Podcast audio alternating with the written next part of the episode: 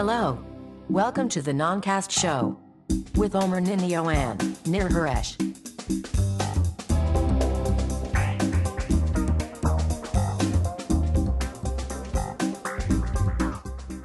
הלו, אה, וברוכים הבאים לנונקאסט, תוכנית 065 של תוכנית הטכנולוגיה המובילה בישראל, לפחות בימי רביעי ב-10 בערב.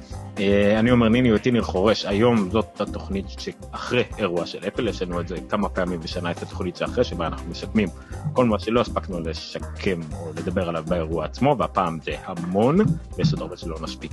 אז בואו נתחיל, לפני שיהיה מאוחר, הלונקאסט 065 ל... אין לי באמת תאריך פה, 17 לספטמבר 2014. ניר, קח אותנו.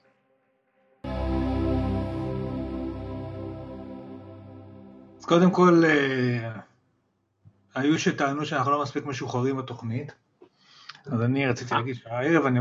כן, סתם זה תירוץ, כי בא לי בירה, אז אני צריך להאשים מישהו. זה- התבלבלת, זו תוכנית אחרת לגמרי. אחלה חבר'ה, עוד לא שמעתי את התוכניות שבהם הם משקמים את זה, קוראים להם מובייל ובירה, תוכנית הטכנולוגיה, נגיד השנייה הכי מובילה בישראל. אנחנו. פשוט לא מתקטננים על המובייל, אנחנו, כל מה שבא, לוקחים. גם לא מקטנים על בירה, כי לפחות אחד מהצדדים לא שותה אלכוהול.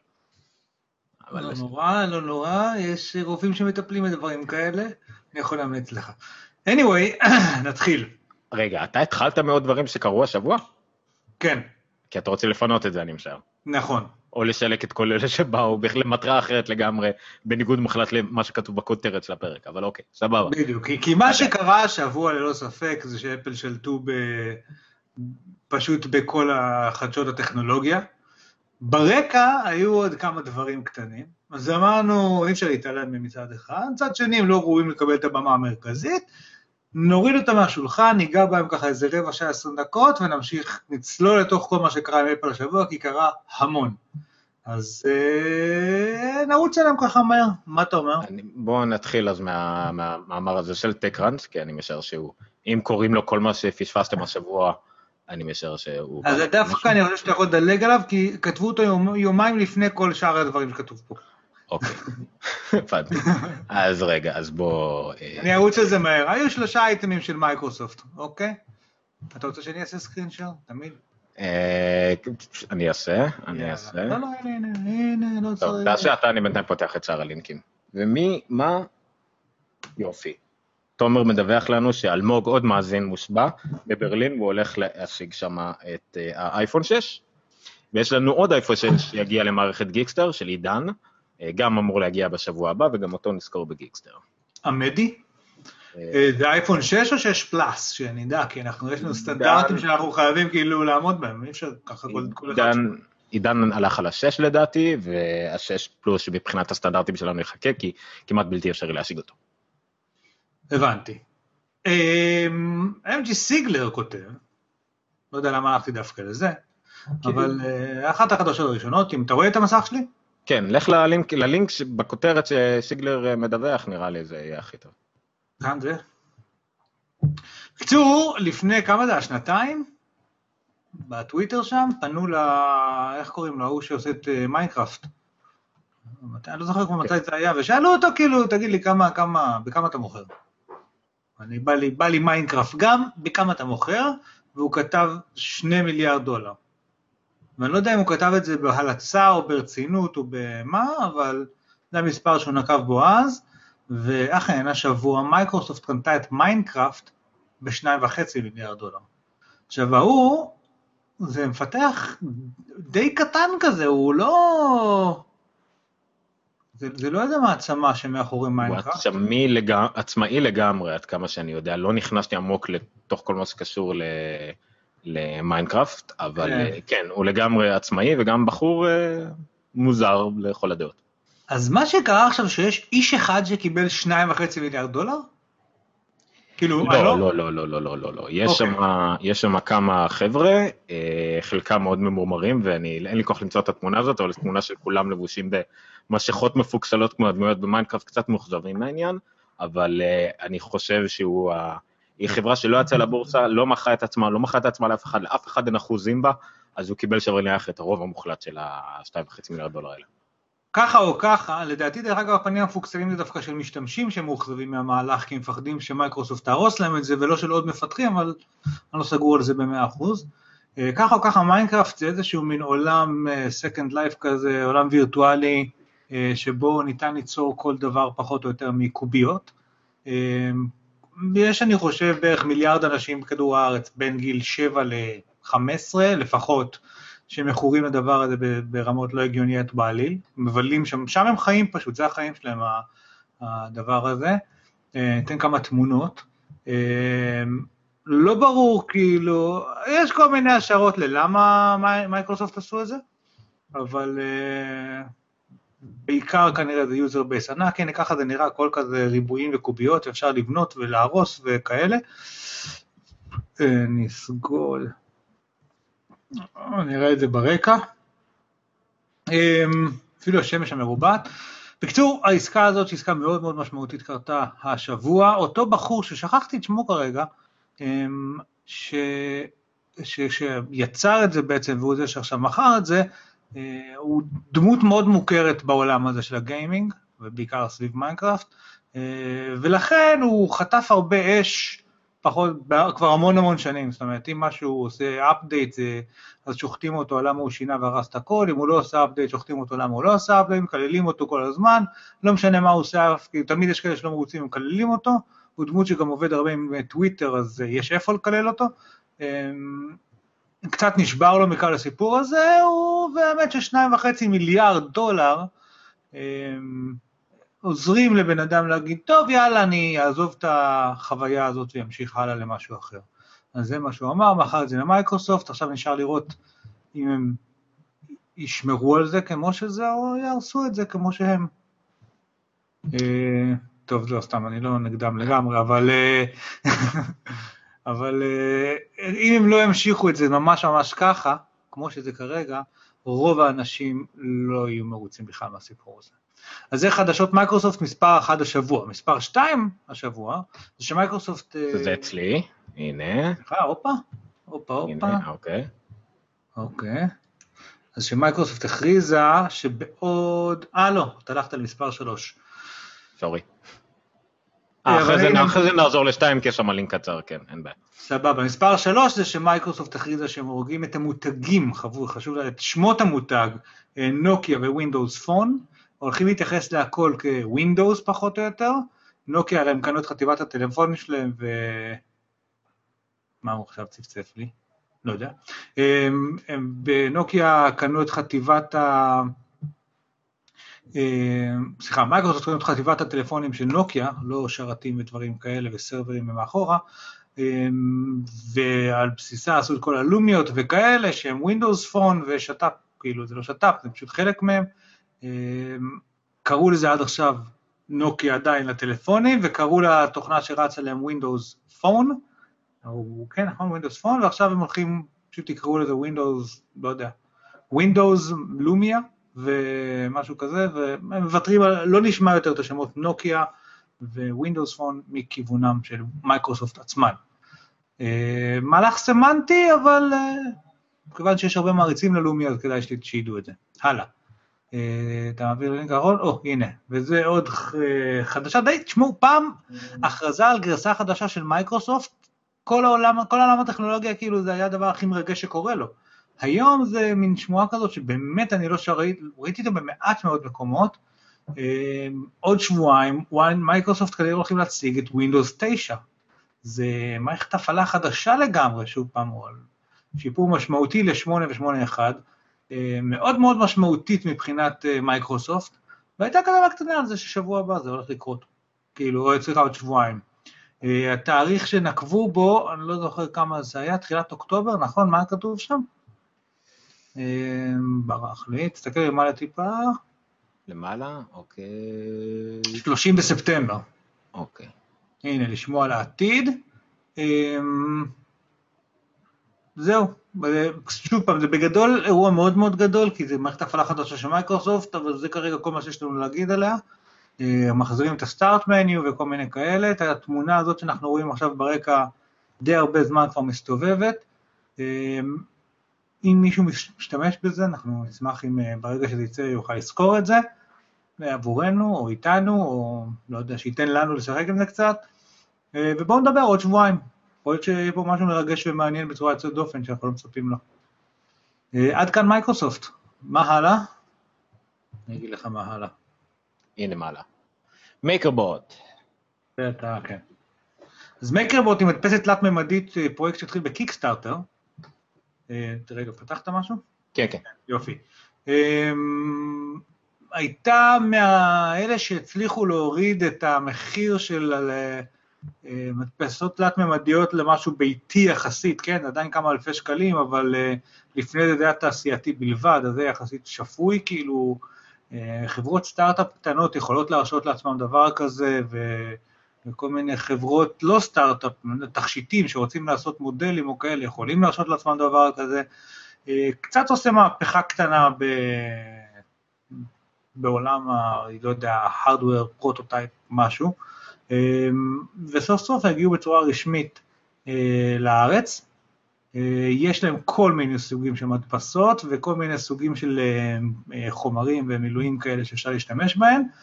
אמ, שוב, אם מישהו יש לו כזה ורוצה, האמת שאני, אתה יודע מה, ביום שני אולי אני פוגש אחת כזאת, ואז אני יכול לשחק איתה, אני לא יודע, אני צריך לבדוק את זה, אם כן, אני צריך לצלם משהו. אתה כבר פגשת משהו דומה כזה בארצות הברית, לא? כן, בתערוכת ה... צעצועים שהייתי בניו יורק, אז היה להם שם איזשהו דוכן, אה, הדפיסו שם אה, ברגים נחמדים כאלה. אם תחזור שנייה למעלה, אני כן רוצה להראות את התמונה של למעלה של ה... יש שם, היה שם כזה זחל של טנק כזה, אתה ראית אותו? תגלול טיפה כן. למעלה. אז מה שהם, אחד הדברים המגניבים במדפסות תלת-ממדיות, אני לא סגור על זה גם פה, אבל כקונספט, זה שאת הרווחים שבין החלקים אפשר לעשות, הם עושים מחומר אה, מסיס. ואז מה שקורה שאתה מדפיס בעצם גוש אחד שעשוי משני חומרים, שוטף אותו במים ונוצרים רווחים, ואז צירים הם יכולים ממש לזוז, וכל מיני מכניקות כאלה יכולות ממש לתפקד בצורה אמיתית, אתה יכול להדפיס, אני ראיתי הדפסה של מנוע של רכב, שהצילינדר, הבוכנות זזות בתוך הצילינדר, וראיתי הדפסה של מין גלגלי שיניים כאלה שעובדים אחד עם השני, ושוב, כיוון ש... אנחנו רואים את מה שאתה עושה עכשיו, כן? אה, לא, אמורים לראות אותך. לא. אה, אוקיי. לא יודע מה רואים. אמ, וכיוון שהגלגלי שיניים האלה, שוב, הציר שלהם, הציר שיושבים עליו, אה, יש רווח שם, למה זה עושה לי טינג כל הזמן, אני לא יודע. אמ, אז הגלגל השיניים יכול להסתובב, וראיתי שבנו מערכת נחמדה כזאת של מין קובייה שעל כל צלע של הקובייה, של רק הצירים של הקובייה, זה לא הפאות, זה כאילו ממש השלד של הקובייה, של כל אה, כזה שלד כזה, אחד יש, על כל צלע כזאת יש גלגל שיניים, וכל השמונה גלגלי שיניים בעצם מגיבים אחד לשני, מסתובבים ביחד ברגע שמסתובבים אחד. אה, משהו שלא טריוויאלי לבנות אותו ב... באמת במכניקה, אבל בתפסת תלת-ממדית זה הרבה יותר קל ונחמד. ראיתי הדפסות של סרגלים ושל אה, דברים שהם גומי, מגוון אדיר של דברים אפשר לעשות עם זה, אמ, ושמח שהם באים לארץ. אני מניח שמעניין לי לראות אם זה באמת יתפוס כאיזה משהו שהוא כבר טריוויאלי. האמת שלא מזמן פגשתי איזשהו סטארט-אפ גם שעשה איזשהו מוצר, פרוטוטייפ ראשון, אפילו שהמוצר אמור להיות מסיליקון, היה הדפסה של אותו מוצר בתלת מימד, רק כדי לראות איך הוא נראה, וזה די מגניב, אתה רואה אותו בגודל אמיתי, אחד לאחד, אתה יכול לגמרי לקבל את התחושה של איך זה מרגיש, אחר כך עשו את ה... אה, יציקה מחומר אחר, אבל אחלה דבר. הלאה, עומר. אוקיי, אה, רגע. מה אנחנו עכשיו? מקוולד זה אתה, סלח לי. אה, אוקיי, כן. אז אה, זה מחבר אותנו לקראת הנושא המרכזי שלנו, שהוא אפל.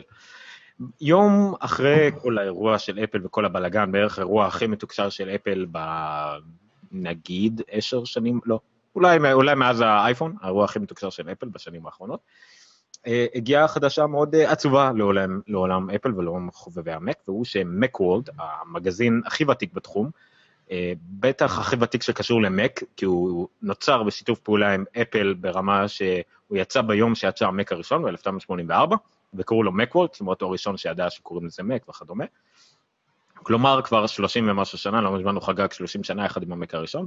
המגזין הזה, שיצא רצוף בכל ה-30 שנים האחרונות, כל חודש, אה, לא יהיה עוד. כנראה נובמבר יהיה הגיליון האחרון, והמהדורה המודפשת של המגזין תלך לעולמה. האתר ימשיך להתקיים במתכונת מצומצמת, המגזין הדיגיטלי גם הוא ימות עד כמה שאני זוכר, אבל המהדורה המודפשת שהיא הייתה הבשר של כל העניין, לא תהיה עוד. בין היתר, התופעת לוואי הכי מצערת היא שהמון המון כותבים מאוד מאוד מוכשרים איבדו את מקום עבודתם, לא איבדו את עבודתם, איבדו, איבדו את מקום עבודתם. הם היו חבורה מאוד מגובשת, והיה להם גם הרבה פודקאסטים נורא מעניינים ונורא מגניבים, היה להם אפילו מין שעשועון שכל פעם שהאירוע של אפל או משהו, אמור כזה, היו עושים מין שעשועון אה, ממש לא קשור לכלום, עם כל מיני שאלות מאוד מצחיק כזה, עם ניקוד מדומיין, משהו כמו אה, דומה של מי השורה הזאת בכלל, רק בוורבלי ורק על אה, נושאי מק ואפל וכדומה. אז זה היה מאוד, אה, קהילה מאוד מגובשת וצוות מאוד מגניב. אה, אז הם, בעיקר תופעת לוואי המצערת שהם פחות או יותר ייפרדו. חלק מהם כבר קיבלו עבודה באיימור, עוד אתר מאוד מוכשר למק. ג'ייסון שנל, שהוא היה הציף הגדול והיה גם משגן נשי, עזב מרצונו את מק וולד, והיום, ממש עכשיו, קראתי שיש לו מיזם חדש, אתר שנקרא Six Colors, אה, שישה צבעים, על שם שישה צבעים של הלוגו של אפל המקורי, ובו הוא, אה, הם גם ישקרו חדשות אפל, הוא ועוד כמה יוצאי מקוורד, חוץ מזה הפודקאסטים שלו אה, ימשיכו להיות גם ברשת עצמאית משלו שנקראת אינקום, אין לי מושג איך אומרים את זה, אינקומפיים, לא משהו נשים לינק, שבעיקר מדברת על תרבות פופ, וגם הוא הצטרף לרשת פודקאסטים שנקראת רילי FM, אה, של מייק הרלי, שגם היא מתעסקת הרבה בטכנולוגיה, בעיקר סביב אפל, גם כן עם תוכנית אה, אה, משלו שנקראת upgrade.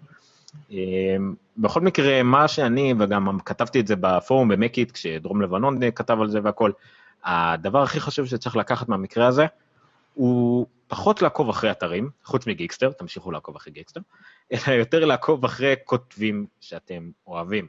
למצוא את האנשים שאתם יותר מעריכים את העבודה שלהם, שאתם רוצים יותר לשמוע מהם, ממש כמו, תקפידו. כמו אומר ניניו לדוגמה. נכון. הייתי אומר ניר חורש, אבל הפעם האחרונה שהוא כתב משהו לאתר, זה היה על טלפון שכרגע ירד ל-99 שנט. anyway, אה, אה, זה בעיקר כשאתם קוראים כתבה ואתם אוהבים מה שקראתם, תראו מי כתב אותה. ותעקבו אחרי בן אדם בטוויטר, או תראו איפה הוא כותב עוד, או מה הוא עוד עושה, ותמשיכו לעקוב אחרי שם. ככה אני גיליתי הרבה כותבים מוכשרים, ואני עוקב אחריהם לאיפה שהם לא עם זה איימור ומקוולד, ופודקאסטים, ותוכניות יוטיוב וכדומה. אה, זה הדרך הכי טובה למצוא את מי אתם אוהבים, וזה המשכנה הכי גדולה. מקוולד אולי יפסיק להתקיים, אבל הרוח שלו, של האנשים שכתבו מאהבה אמיתית למותג ולמוצרים, אה, ימשיכו להתקיים וימשיכו לפעול. אז זה היה מקוולד, ועדיין יש לי מנוי למגזין הדיגיטלי, אה, שכנראה נובמבר יהיה המהדורה האחרונה שלו. עוד בנגיעה אנחנו כן יכולים להגיד, אבל ממש בכותרת, זה שפייסבוק שוב אה, אה, ראו שהם, לא יודע, קוצרים מידע מהמסנג'ר שלהם בצורה סיטונאית, אבל זה לא חדשות ממש, כל מיני סנודן וכאלה שהדליפו עוד הדלפות על זה שהם מאזינים לנו ועוקבים אחרינו בעוד כל מיני צורות. זה לא ממש חדשות, זה לא כל כך חדש. אה, דאעש פותחים ערוץ חדש ביוטיוב. באמת? אני לא יודע, ראיתי היום שהם עשו טריילר למלחמה שבאה אלינו, משהו כזה. הם mm. מאוד אה, רציניים החבר'ה שם. אה, זהו, בגדול אני חושב שאפשר לעבור לאפל, לא היה עוד דברים דרמטיים יותר מדי. אוקיי. לפני שנעבור לאפל ול... Google Hangouts התאחדו, הכניסו פנימה את ה Google Voice. אה, ואז יש free voice over IP. נכון, אה, היה הרבה דברים שקשורים לזה שלא התמקדתי את זה, כי אני רואה הרבה שיפורים ל Google Hangouts באופן כללי שאנחנו אולי ננסה להתמקד בזה קצת יותר. אז לפני שנעבור לבשאר, כיוון שיש לנו, אוי, עוד פעם יש לנו רק שלושה צופים, לפני רגע היה לנו ארבע, כנראה ממש הפחדנו אותם. איבדנו 25% מהצופים. כן. אה, מה שאני בעיקר רוצה להגיד זה שהחל מהזמן הלא מוגדר הקרוב, גיקסטר, אנונקאסט וגיקסטר בכלל יעברו לשידור קצת יותר מאולפן, מי שראה את השידור חי שבוע שעבר, ראה את השידור שלנו מאולפן The Hive Pro, בקרוב באדיבות מאוד גדולה של אה, עמית. והדס, כי זאת אשתו ואשתו תמיד צודקת, אה, הם יעזרו לגיקסטר ונקים סוג של אולפן אה, קצת פחות מאולתר, שבו נעביר את השידורים שלנו, בינתיים רק שידורים מיוחדים, לא כל שבוע, כי אין חניה בתל אביב. אבל uh, נעבור משם ונקווה לעשות uh, רענון uh, קצת יותר גדול של גיקסטר ושל כל שידורי המדיה שלנו, הקצת יותר ויזואליים, אקטיביים עם אולפן, כמו שראיתם. אנחנו נחשוב על כמה רעיונות. בנוסף לזה, נכון לעכשיו, נכון לכרגע, אתם עוד חודש, בדיוק, אנחנו נתארח בפודקאסט בינלאומי, ממש רק היום גילינו את זה, פודקאסט שנקרא show me your mic, או mic, תלוי איך אתם קוראים את זה, שמראיין אנשים על, שיוצרים פודקאסטים, על הדרך בה הם יוצרים את זה, גם מבחינה טכנית וגם מבחינה רעיונית. מאוד נחמד, הקשבתי לכמה פרקים עם כמה מהפודקאסטרים שאני אוהב. וכיוון שנפתחו לו כמה שלוטים פנויים, אז אמרתי אולי הוא יעניין אותו לראיין כמה פודקאסטרים בישראל. והוא כנראה הסכים, למרות שהכל היה דרך מערכת אוטומטית, אבל כיוון שקיבלנו קונפירמיישן, אני משער שזה יקרה, אז זה עוד דבר שאולי יעזור לנו טיפה חשיפה, ואולי גם כמה רעיונות ועזרות שזה יוביל לזה. ומה עוד רציתי להגיד. אני רוצה בהקשר לאייטם הקודם שלך של האולפן, בואו נקבע טנטטיבית ל-21 לאוקטובר, יום שלישי בערב, שמונה, מה אתה אומר? ימי שלישי זה תמיד בעיה, ערב זה גם תמיד בעיה בגלל עמית, אבל בוא, בוא נקבע. ואם אפל נגיד עושים אירוע שבו הם יכריזו על אפלים חדשים ו-OS X יוסמיטי ואולי גם מקבוקרים? אה, זה כבר השמועה? כן. הבנתי, אז ברגע, ברגע שזה יהיה קצת יותר, כן, החדש, כן, תכף נגיע לעוד משהו, אבל כן, אז אני בדיוק מסתכל ביומן שלך, שאני מסתכל למעלה, אבל נראה, נראה, נראה, נראה. כרגע נכוון לשם, נראה. כן, למזלנו לא קבענו כי היה אפשרות גם לקבוע את הרעיון ל-21 לעשירי, אבל לא. anyway, עוד דבר אחרון לפני שניגש לבשאר, היה היום עוד חדשות מאוד מאוד חשובות בעולם של אפל, iOS 8 שוחררה. ממש לפני שהתחלנו את השידור, ניסיתי עוד להספיק אולי להוריד ולהתקין אותה, זה לא היה מצליח לי, משהו כמו 7 או 8 שעות הורדה. גם יוסמיטי פה על המחשב שלי לידי, עוד לא הספקתי לעדכן לגרסה האחרונה, גם לא לאייפד. קיצור, בואו נדמיין שלא יצא iOS 8, עוד לא התנסינו בה ואין לנו ממש מה להגיד עליה כרגע. לא, אבל יש כמה דברים שכן אפשר להגיד, אוקיי? נדבר עליה, כן, בהקשר של אייפון 6 וכל מה שיהיה, אנחנו... לא, לא, שנייה, בקטנה, בקטנה. קודם כל, מה שהיא מביאה איתה, בין השאר, כמו תמיד בעדכון גרסה, זה מלא עדכונים ב App Store.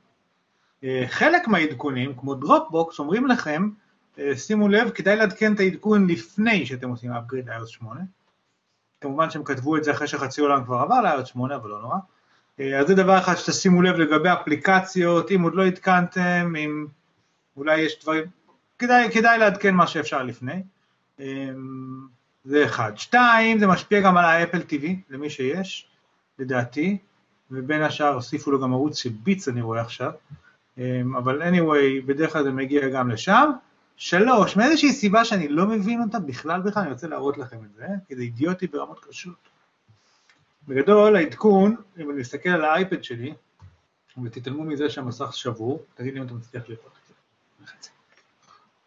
אז מה שהוא כותב, שהעדכון הוא בגודל של 1.1 ג'יגה בייט, אתם רואים?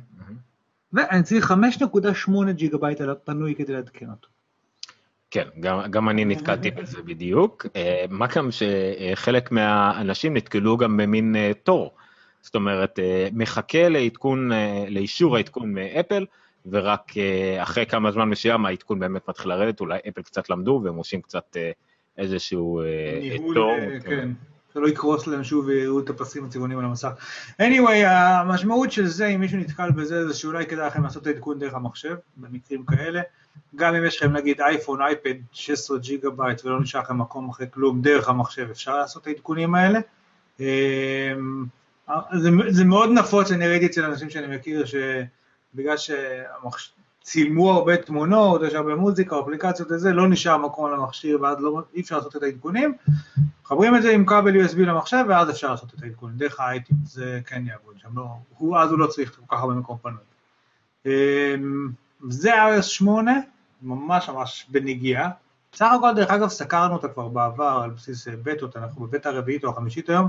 יש סיכומים באינטרנט מפה עד להודעה חדשה של מה נכנס בכל בטא מבחינת איזה פיצ'רים חדשים.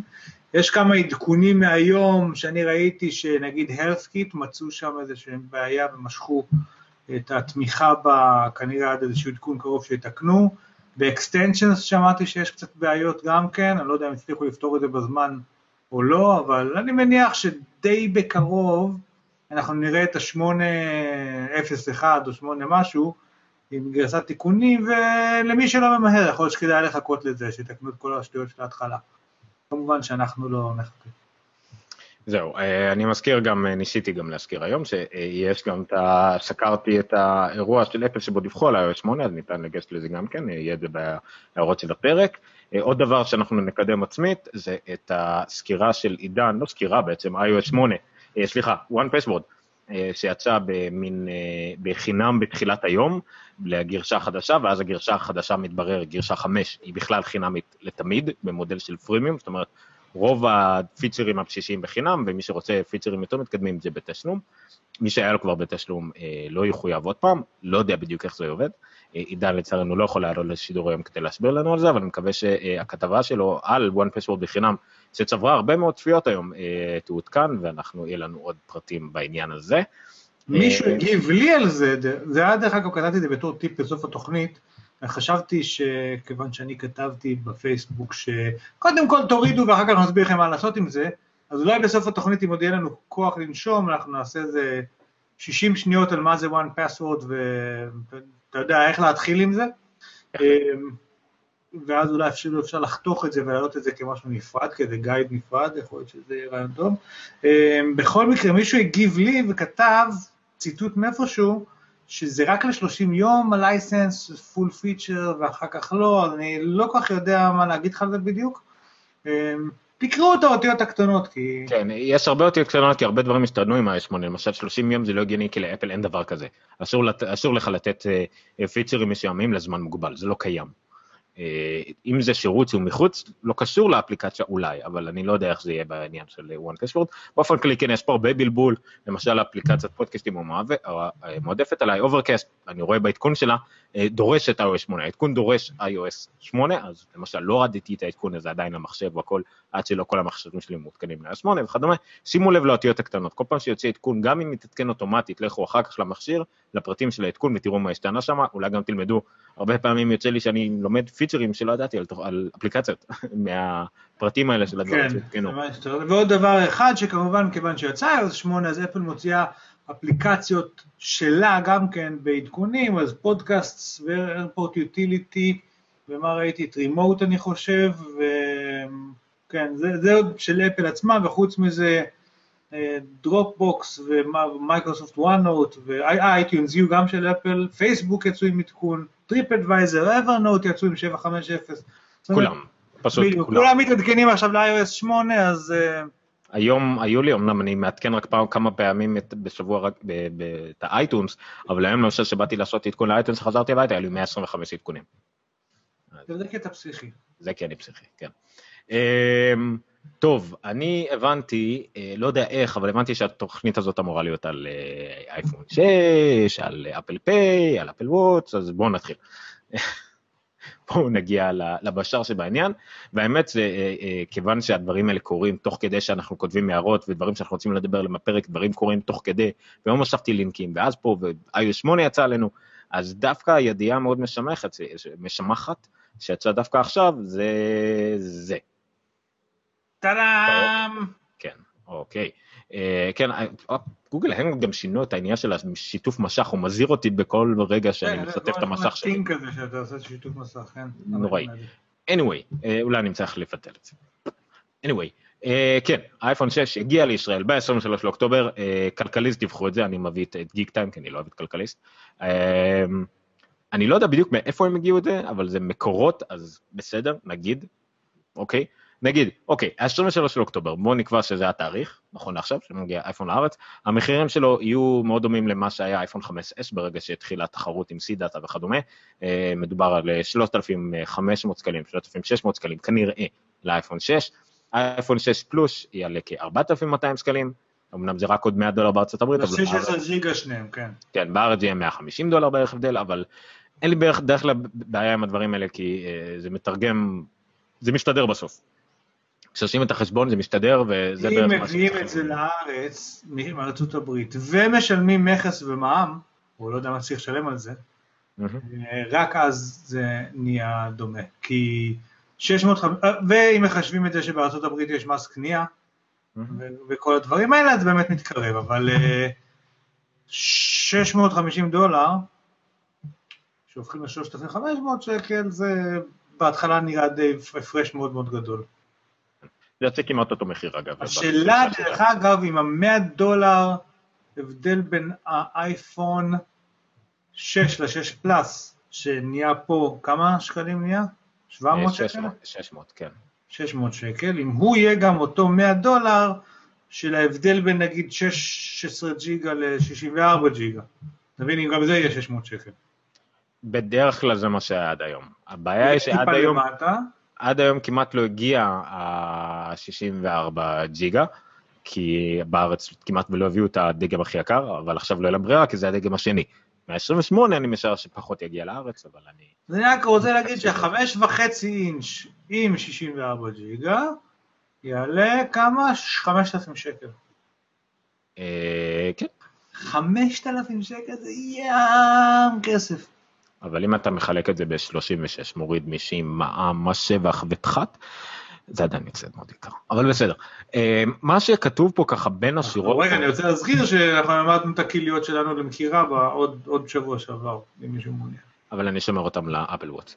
אה, מה שאני כן אה, רוצה להגיד, שפה משתתרת בכתבה גם האפשרות לקנות את האייפון 6 כבר עכשיו בארץ, במחירים של נגיד, בואו נראה, 4,800 שקל הדגם הכי זול של אייפון 6 ו-5,300 שקל של פלוס, אה, ושבאייסטור כבר אה, מכרו כמה מאות כאלה, אל תעשו את זה.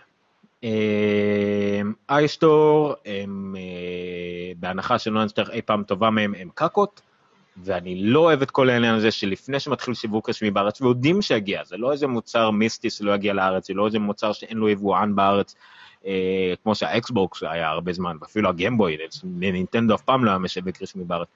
יודעים שזה עוד מעט יגיע, וזה עוד מעט יעלה 3,500 שקל. לבקש עכשיו מאנשים 4,800 שקל, זה לא רוצה להגיד גניבה, כי זה לא יפה, אבל זה ממש ניצול נוראי, ציני, כי גם להם, במקסימום, זה עולה 3,400 שקל. במקסימום הם קונים את זה עכשיו, עמד בן אדם, אתה יודע מה, 3,600 שקל, כי הם גם שילמו לו על המונית. אני לא יודע.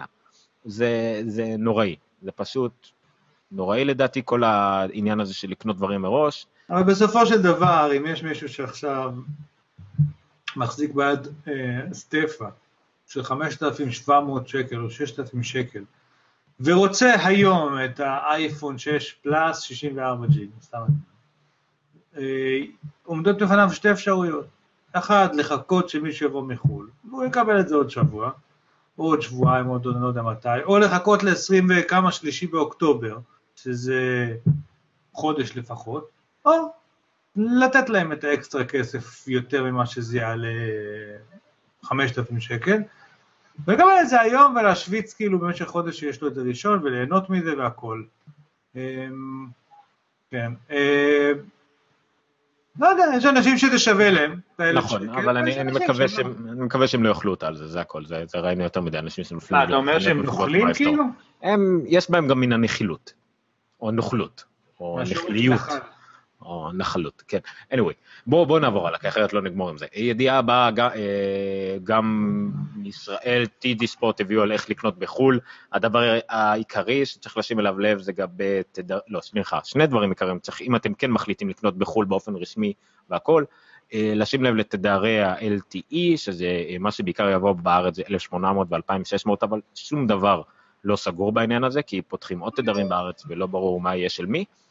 אמ, ועוד דבר כמובן שחשוב, שאתם קונים משהו ללא חוזה ופתוח. אה, לשים לב למשל T-Mobile שעד היום מכרו הכל contract free ו-unlocked, כנראה שעכשיו זה רק contract free וזה לא ממש unlocked, צריך לפתוח את זה. אה, אני יודע שעידן עשה את זה, אז אחרי שהוא יעבור עם החוויה שלו נדע קצת יותר, אבל אה, כרגע צריך לשים לב שאתם קונים דברים שהם unlocked, בארה"ב זה כרגע קצת לא ברור, למרות שאני יודע שוורייזון מוכרים את המכשירים שלהם unlocked מחוסר ברירה בגלל חוק פדרלי. אה, אבל אם אתם אה, ניגשים להונג קונג או לאירופה, סביר להניח ששם יהיה לכם יותר קל, אבל קצת יותר יקר. אוקיי, נקסט. פשוט נשאיר את הדף פה פתוח, מה היה לנו פה? אה, הנה למשל הבדל של המחירים של האייפונים, כולל מיסים, לא כולל ארצות הברית.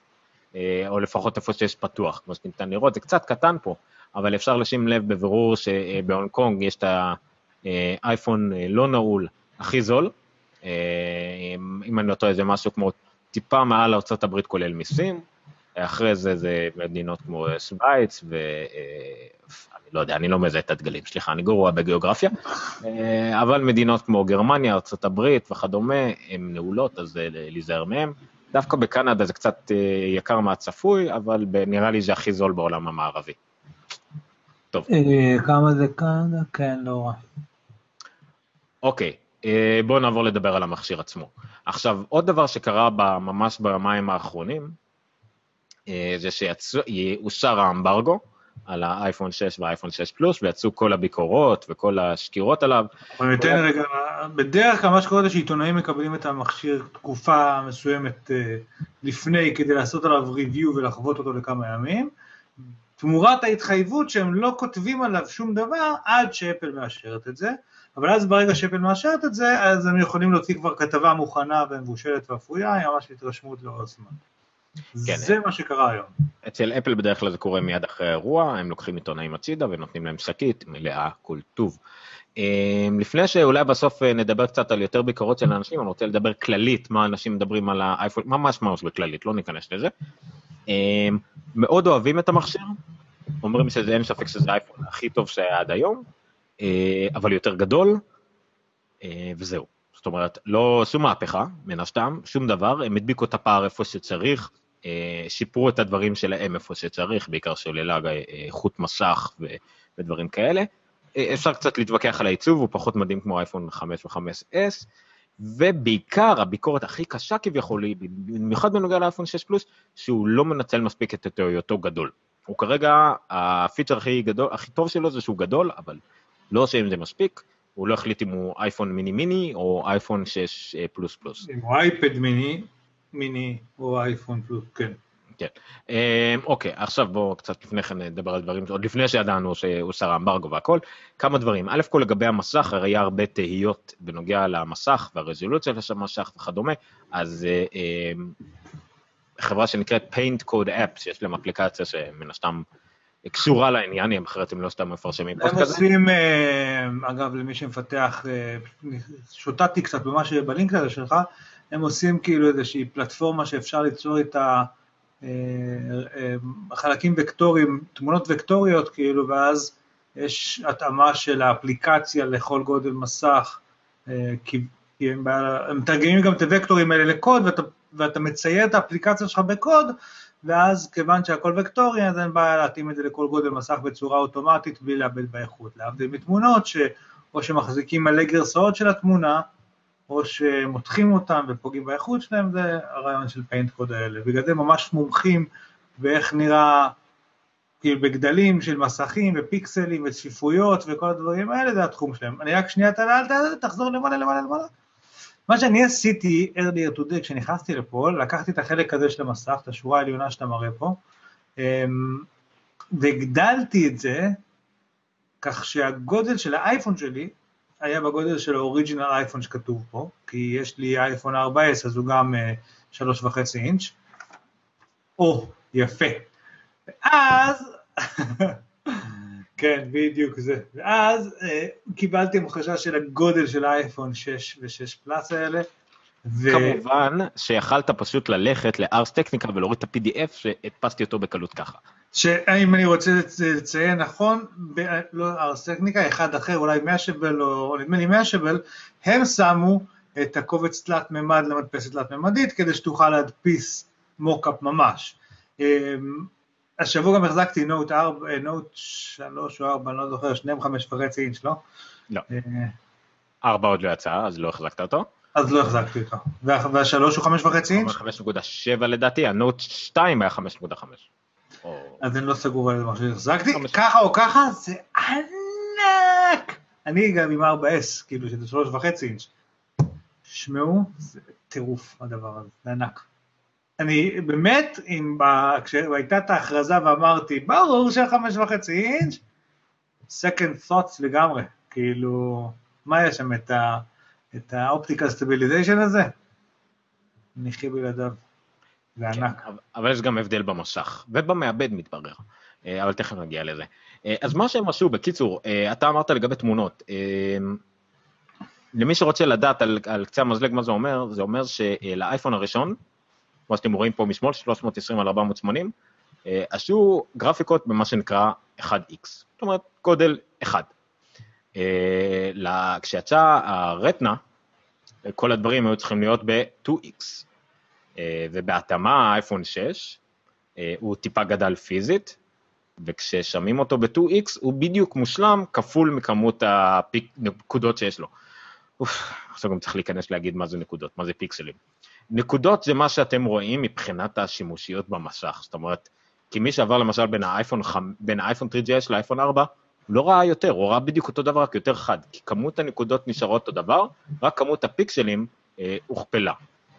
כמו שאפשר אה, לראות, טוב אי אפשר לראות פה כי מראים רק את האייפון המקורי. באייפון 6 באופן דומה יש רק, אה, רואים 50 אה, נקודות אה, ברוחב ו-180 נקודות באורך, אבל כשעושים את זה ב-2x זה יוצא 750 אה, על 1334, שזה הרבה יותר פיקסלים, לכן זה יותר חד. האייפון 6 פלוס, אה, למרות שהוא לא הרבה יותר פיקסלים, לא, לא המון יותר פיקסלים מהאייפון 6, לא הרבה יותר נקודות. נקודות, סליחה, הוא כן הרבה יותר פיקסלים.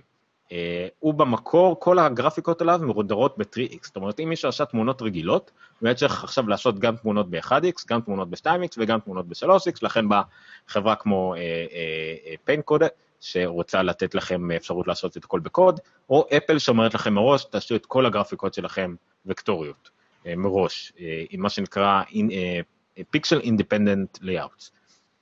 Uh, הקטע הוא שאם אתם רואים פה את האייפון 6, שאומנם ב-2x, אבל אז כשאתה שם אותו על המסך, ההתאמה היא מושלמת. זאת אומרת, רואים בדיוק PPI, בדיוק כמו P2 פיקסלים ממה שהיה במקור. את, ה, את האייפון 6 פלוס, כדי שאם הם היו רוצים גם שזה יהיה אחד לאחד, אז היינו צריכים לקבל מכשיר שהוא 1242 על 2208, שזה המון וזה יותר מ-HD וזה היה גוזל סוללה וזה עושה בלאגנים, אז במקום זה, יש פתאום הרבה רעש מהכיוון שלך, ניר? עכשיו אין רעש. אה, לא יודע מה עשית שם, אני לא חושב שאני רוצה לדעת. אה, אבל אז בגלל כדי שהם רוצים להוריד את זה ל-1920 ל-1080, שזה full HD וכדומה, אז בעצם המכשיר עושה down sampling, הוא עושה המרה למטה של איכות המסך, אבל אפל קוראת לזה down sampling או sampling ברמה של desktop, וכל מי שהיה לו מחשב Retina, אה, או שיכול לגשת, נגיד לחנות דיגיטל ורואה מחשבים של Retina, ונשאר לשחק שם רזולוציה, הוא יודע שלמרות שעושים sampling ומשנים רזולוציה נגיד מהטבעית של ה MacBook Pro Retina ושמים פתאום רזולוציה אחרת, לא רואים את כל הטשטוש שאנחנו זוכרים מלנסות לשנות רזולוציה על מסכים ישנים וכדומה, אה, כי פשוט כמעט לא רואים את זה, גם כי המחשב מספיק חזק כדי לעשות sampling מחדש שכזה, וגם כי אה, המסך כל כך חד שאתה מראש לא מרגיש כל כך בהבדלים. אז כן, המפתחים יצטרכו אומנם לפתח הכל ב-3x והאייפון אוטומטית יוריד להם את זה ל-1920-1080, אז אנחנו נקבל מכשיר שהוא לא מושלם מבחינת המשך שלו, אבל ממש לא נוכל לשים לב להבדל. אז זה ממש אה, מתאר את זה מאוד יפה, איך בדיוק זה עובד, ודיברנו על זה יותר מדי. הרבה יותר מדי, זה מעניין רק את עומר. כל הכתבה הזאת כתבו אותה בשביל עומר. אוקיי, אה, הדבר הבא, אה, אחרי שדיברנו שבישראל זה יגיע ב-23 באוקטובר, איפה זה לא יגיע כנראה? סין. לסין. בסינלנד אמרת? אוי, כן. למה הפרסומת הזאת? לא רציתי שהיא תופיע פה. anyway, um, טוב, זה, זה קצת uh, מתושבח ופוליטי, למה זה לא יגיע לסין? Uh, קודם כל, חבל שזה לא יגיע לסין, סתם כי זה משהו כמו כמה מיליונים שכבר לא ימכרו, ה-15 כן הגיע לסין ביום הראשון. זה כנראה לא יגיע לסין מהרבה סיבות פוליטיות מאוד מעצבנות שאנחנו לא כל כך מבינים בהן. הממשלה הסינית מאוד כועשת על ארה"ב בכלל, בגלל שכל מיני חברות אה, גילו אצלם כל מיני פרצות אבטחה שנועדו לרגל אחרי, אה, אולי לפעמים לרגל רק ברמה של, אתה יודע, לקחת מידע בשביל לפרשם, אבל הם טוענים שגם ה-NSA נכנס להרבה דברים, והאמת שהם גם תפשו כמה דברים אמיתיים של ה-NSA, הם טוענים שגם אפל עושה את זה. תוך כדי הש... זה יש את הבניין של הסינים, של ההאקרים שלהם, שגם כן אה, זימבר קצת אמריקאים. כל הממשלות חארות, בואו בוא ניקח ככה נכון. עמדה ליברטינית, כל הממשלות חארות. Uh, במקרה הזה אבל סין נוקטת על ידי זה שהיא מחרימה הרבה חברות אה, אמריקאיות. כן, יש הבדל קטן בין סין לארצות הברית, שכרגע ארצות הברית חייבת לסין מאות מיליארדי דולרים. אני אה, לא אגיע כבר לטריליונים? כן, או טריליונים, וסין לא חייבת לארצות הברית הכסף הזה, אז כאילו, אתה יודע, יש... סין יכולה לעשות משחקי כוח עם ארצות הברית. כן, למזלה של ארה"ב במקרה מלחמה, היא עדיין יכולה לנצח את סין, אבל אף אחד לא רוצה שזה יקרה. אמ, זה בערך הקלף היחידי שיש לה.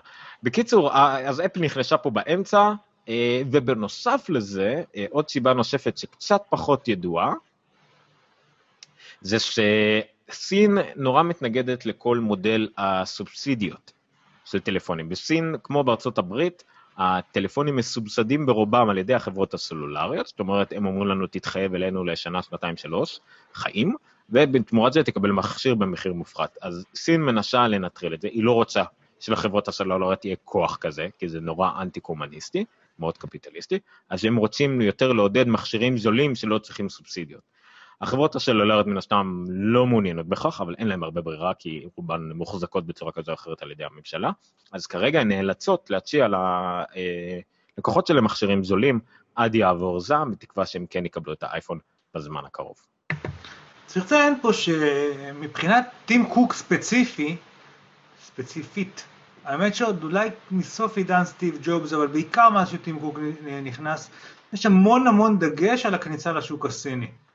אמ, זה, ממש זכו לאזכורים מפורשים בקינוטס קודמים, הנה תמיכה, ב, אתה יודע, בלכתוב בטאץ' כאילו אותיות סיניות, וזה הלכנו לקראת צ'יינה טלקום, וזה ממש, ופתחו חנויות הרי מדהימות בשנגחאי ובכל מיני כאלה.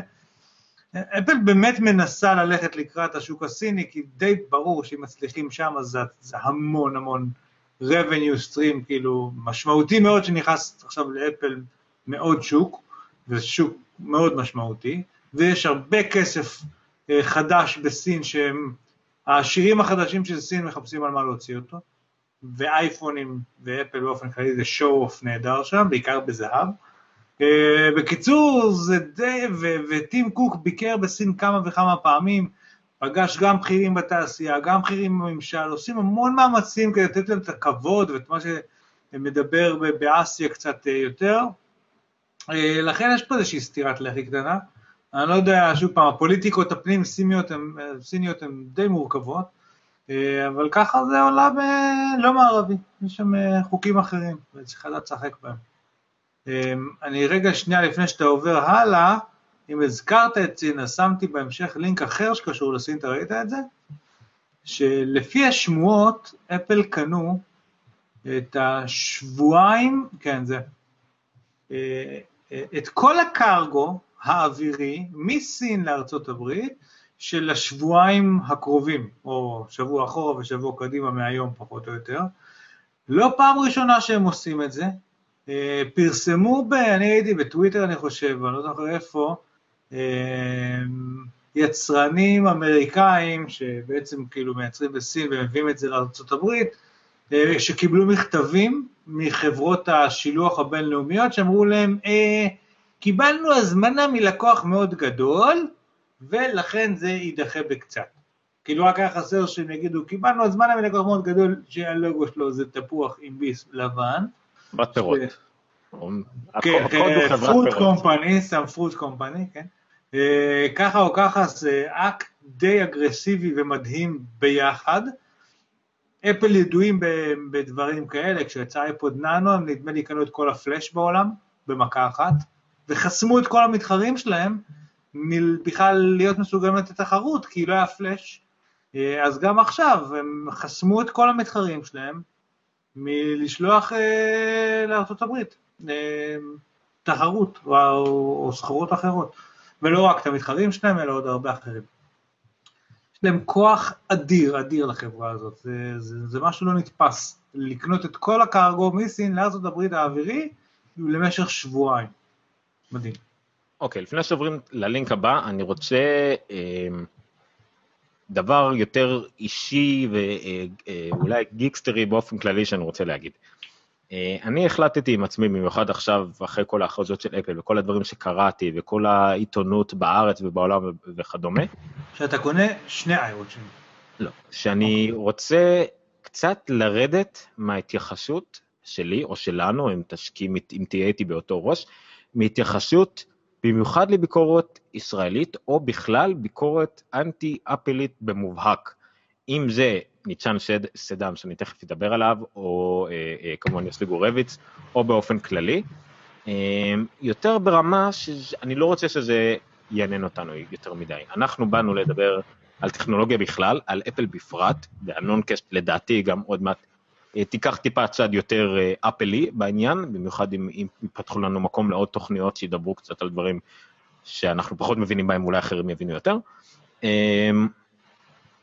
ואני רוצה שניקח את ה... ננצל את המקום שלנו כדי להעביר לקהל כמונו, שאוהב את אפל, טכנולוגיה בכלל, לא משנה מה היא, ולא רק אנטי כדי להיות אנטי, ולתת לו את המידע שהוא רוצה, שהוא יאהב, ושהוא יהיה מעוניין בו, לדעתנו, וקצת פחות ללכת על האנטי. למרות שהנונקאסט, למי שזוכר, התחיל בהרבה מאוד אנטי שלי. אה, אבל אני לא... לא אני מתפלא שאתה, כאילו, כרגע בעצם אמרת, שאתה לא הולך לשחוט עיתונאים עכשיו בשידור חי בקבל עם ועדה ביוטיוב, כאילו, כשזה אחד מהתחביבים שלך.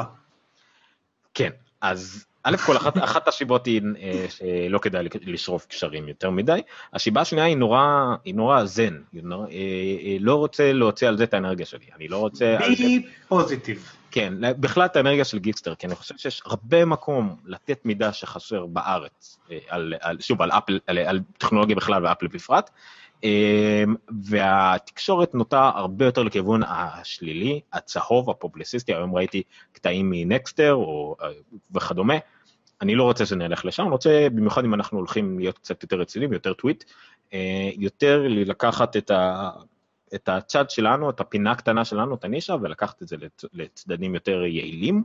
אמ, כמובן שמדי פעם, בדברים שקשורים לכיווני, תכף נדבר על זה, פשוט אני אתן דוגמה חיה, יש מקום לתת ביקורת. אה, אבל, אבל, אבל, לא, אבל לא, לא ללכת נגד טרולים, לא ללכת נגד יוסי גורבת, שהוא מהגרועים שבגרועים שבהם, אה, ונגד האטומים וכדומה, אבל כן ללכת נגד דברים שעלולים או להטעות את הקהל בצורה מובהקת, או פשוט, על מה אתם מדברים בכלל?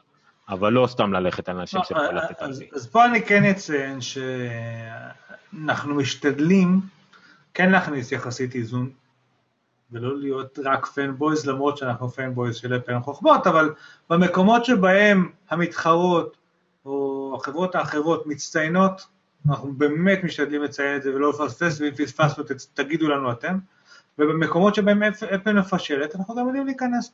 ויש לה לא מעט דברים שהיא עושה לא בסדר, ואנחנו אמ, שם כן ניתן את הביקורת, אנחנו לא אומרים שלא ניתן ביקורת על אפל ונגיד עליה רק דברים טובים מתוך זן או דברים כאלה, אנחנו רק אומרים שיש מקומות שבהם באופן סיסטמטי, לא משנה מה אפל עושים, אומרים דברים רעים, ועל אלה אנחנו כרגע נוותר, אין צורך להתייחס לדבר הזה.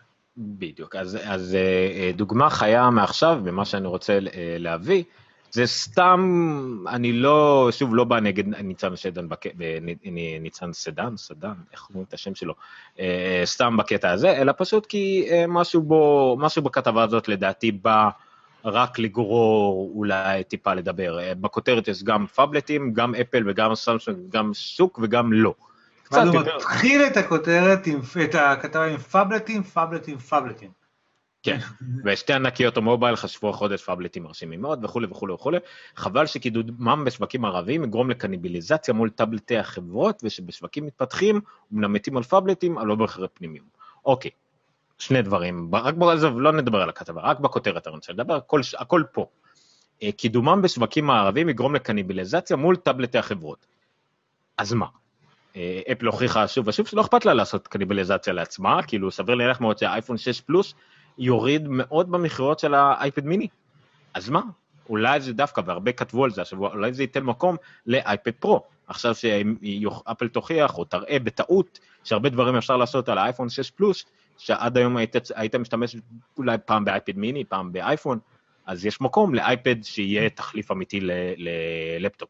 אולי, לא משנה, לאפל זה לא משנה כי רק מרוויחה מזה, אתה קונה מכשיר של אפל, ואפילו שוד קטן, הרווח על אייפון 6 פלוס הרבה יותר גדול מהרווח על אייפד. זה הכל. אז זה כבר טוב לאפל. והדבר השני שאומר, אני לא יודע לגבי סמסונג, איך הקניבליזציה אה, תפגע בה, לא יותר מדי, כי אין לה יותר מדי שוק בטאבלטים, אז לא יודע, זה רק יעזור לה. אה, לגבי שווקים מתפתחים, אמנם מתים על פאבלטים, אבל לא במחירי פנימיום. שוב, אז מה, זה, זה עוד פעם, זה הבעיה העיקרית שלי אצל ניצן שלם, כי הוא הולך נגד מה שרוב המוחלט של האנליסטים, אה, לא רוב המוחלט, סליחה, הרבה אנליסטים שכן מבינים, אה, אומרים שלאפל לא אכפת להם, יש שוק של, יש, אה, לא יודע מה, 100 מיליון שינים שרוצים פאבלטים, סבבה. 10 מיליון מתוכם רוצים את הכי טוב שיש ובזהב עם יהלומים, מעולה, קחו אפל. שוב, אין שום בעיה לאפל עם השוק הזה, זה כל מה שהיא רוצה. היא רוצה את האחוז המאוד עשיר שיקנה את הדברים שלה. עם הזמן, אוקיי, אז הם יוציאו דברים שיהיו יותר זולים עם הזמן, והחמש מאוד הצליח, והאייפון 4 מאוד הצליח בהודו יחסית. דברים כאלה יקרו תמיד, וזה הקטע של אפל, אין שום שיבה למה הוא חושב שלאפל יש בעיה, המוצרים, לא יודע, למה, איפה פה הבעיה? וגם כישלונו היחשי של האייפון 5, שוב, הוא לא קרא נתונים מאז, כי האייפון 5 מאוד הצליח, ממש הצליח. סתם כאילו כתבת דעה לת... למען לעשות כתבה עם כותרות שלדעתי, לגמרי דעתי, או דעת הרבה מהאנליסטים, פשוט כיוון לא נכון, כאילו, חבל, זה פה שוק של... ואז אנשים באים אליי עם הדברים האלה, זה לא נכון. אתה לא אוהב שאני עושה את הקורא לה את ההשוואה הזאת, כי אמרת לי שיש בה הרבה בעיות, אבל גם מרצדס לא פונים לנתח שוק, וגם יגואר, זאת אומרת, יש חברות שרוצות uh, לפנות uh, למעטים יותר, העשירים יותר, ולתת מוצר פרימיום יותר, ואני לא רואה בזה שום בעיה, זאת אומרת, כאילו... Uh, עכשיו, נכון שיש בעיה קצת עם, ה... עם ההשוואה הישירה ראש בראש, ויש דברים שהם לא אותו דבר בעולם הרכב ובעולם הטכנולוגיה והמחשבים, אבל market share הוא לא הכל. סמסונג איבדו, תכף נגיע לזה, אני לא יודע אם ניגע בזה או לא ניגע בזה, אבל סמסונג איבדו 25% מה, אה, מהרווחיות שלהם ב Galaxy 5S, אז מה הם מוכרים יותר? כאילו, אז הם חברה מוצלחת יותר, אז המכשיר טוב יותר, אז לא, אם אתה עושה משהו אה, זול יותר, כנראה תמכור הרבה יותר ממנו, זה לא אומר שאתה תרוויח יותר, וזה לא אומר שאתה טוב יותר באופן כללי לך כחברה, או למשתמש שלך, או לבעלי המניות שלך, בסדר. market share לא. זהו, זה לא רק שלא חשוב, אפילו לא... הבעלי מניות, בניגוד לעיתונאים שאוהבים מספרים, בעלי מניות זה ממש לא מעניין אותם, מה שמעניין אותם זה ה price per share ואחוזי צמיחה וכדומה, ובדברים האלה עדיין אפל מתנהגת כמו סטארט-אפ, אבל טוב, זה כבר בעיה אחרת, כי זה מפחיד את, ה, את בעלי המניות באותה מידה שזה מעודד, כי זה מתי שיתרשק. anyway, לא משנה. טוב, דיברנו על זה, זה היה עוד כמה כתבות ממש נוראיות בעברית. אה, היה גם כמה טובות בעברית, שנביא אחר כך בעיקר על השעון. אה, ועוד דבר שחשוב לי להגיד בנוגע לכתבות בכלל, במיוחד בארץ, אה, לפחות עד יום שישי, שבת ראשון, אף אחד לא נגע במכשירים האלה, לא באייפון, לא ב Apple Watch, אז כל הדברים האלה הם תאורטית לחלוטין, ורוב הדברים האלה תמיד הוכחו כאיכשהו או כטעות או לא מדויקים או ממש לא קשורים, אבל לא משנה. טוב, בואו נדבר על האייפון 6 בפועל.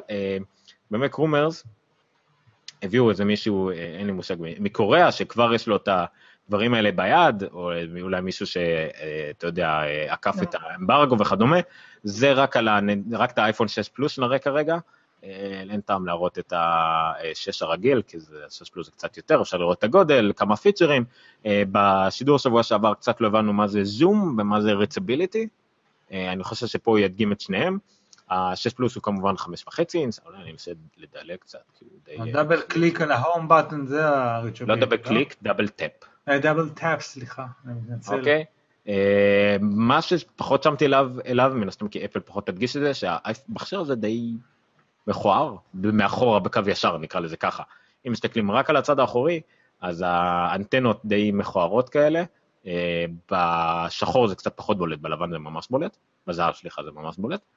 אמ, anyway, מה שמעניין פה בעניין הזה בעיקר, לא, מה קורה?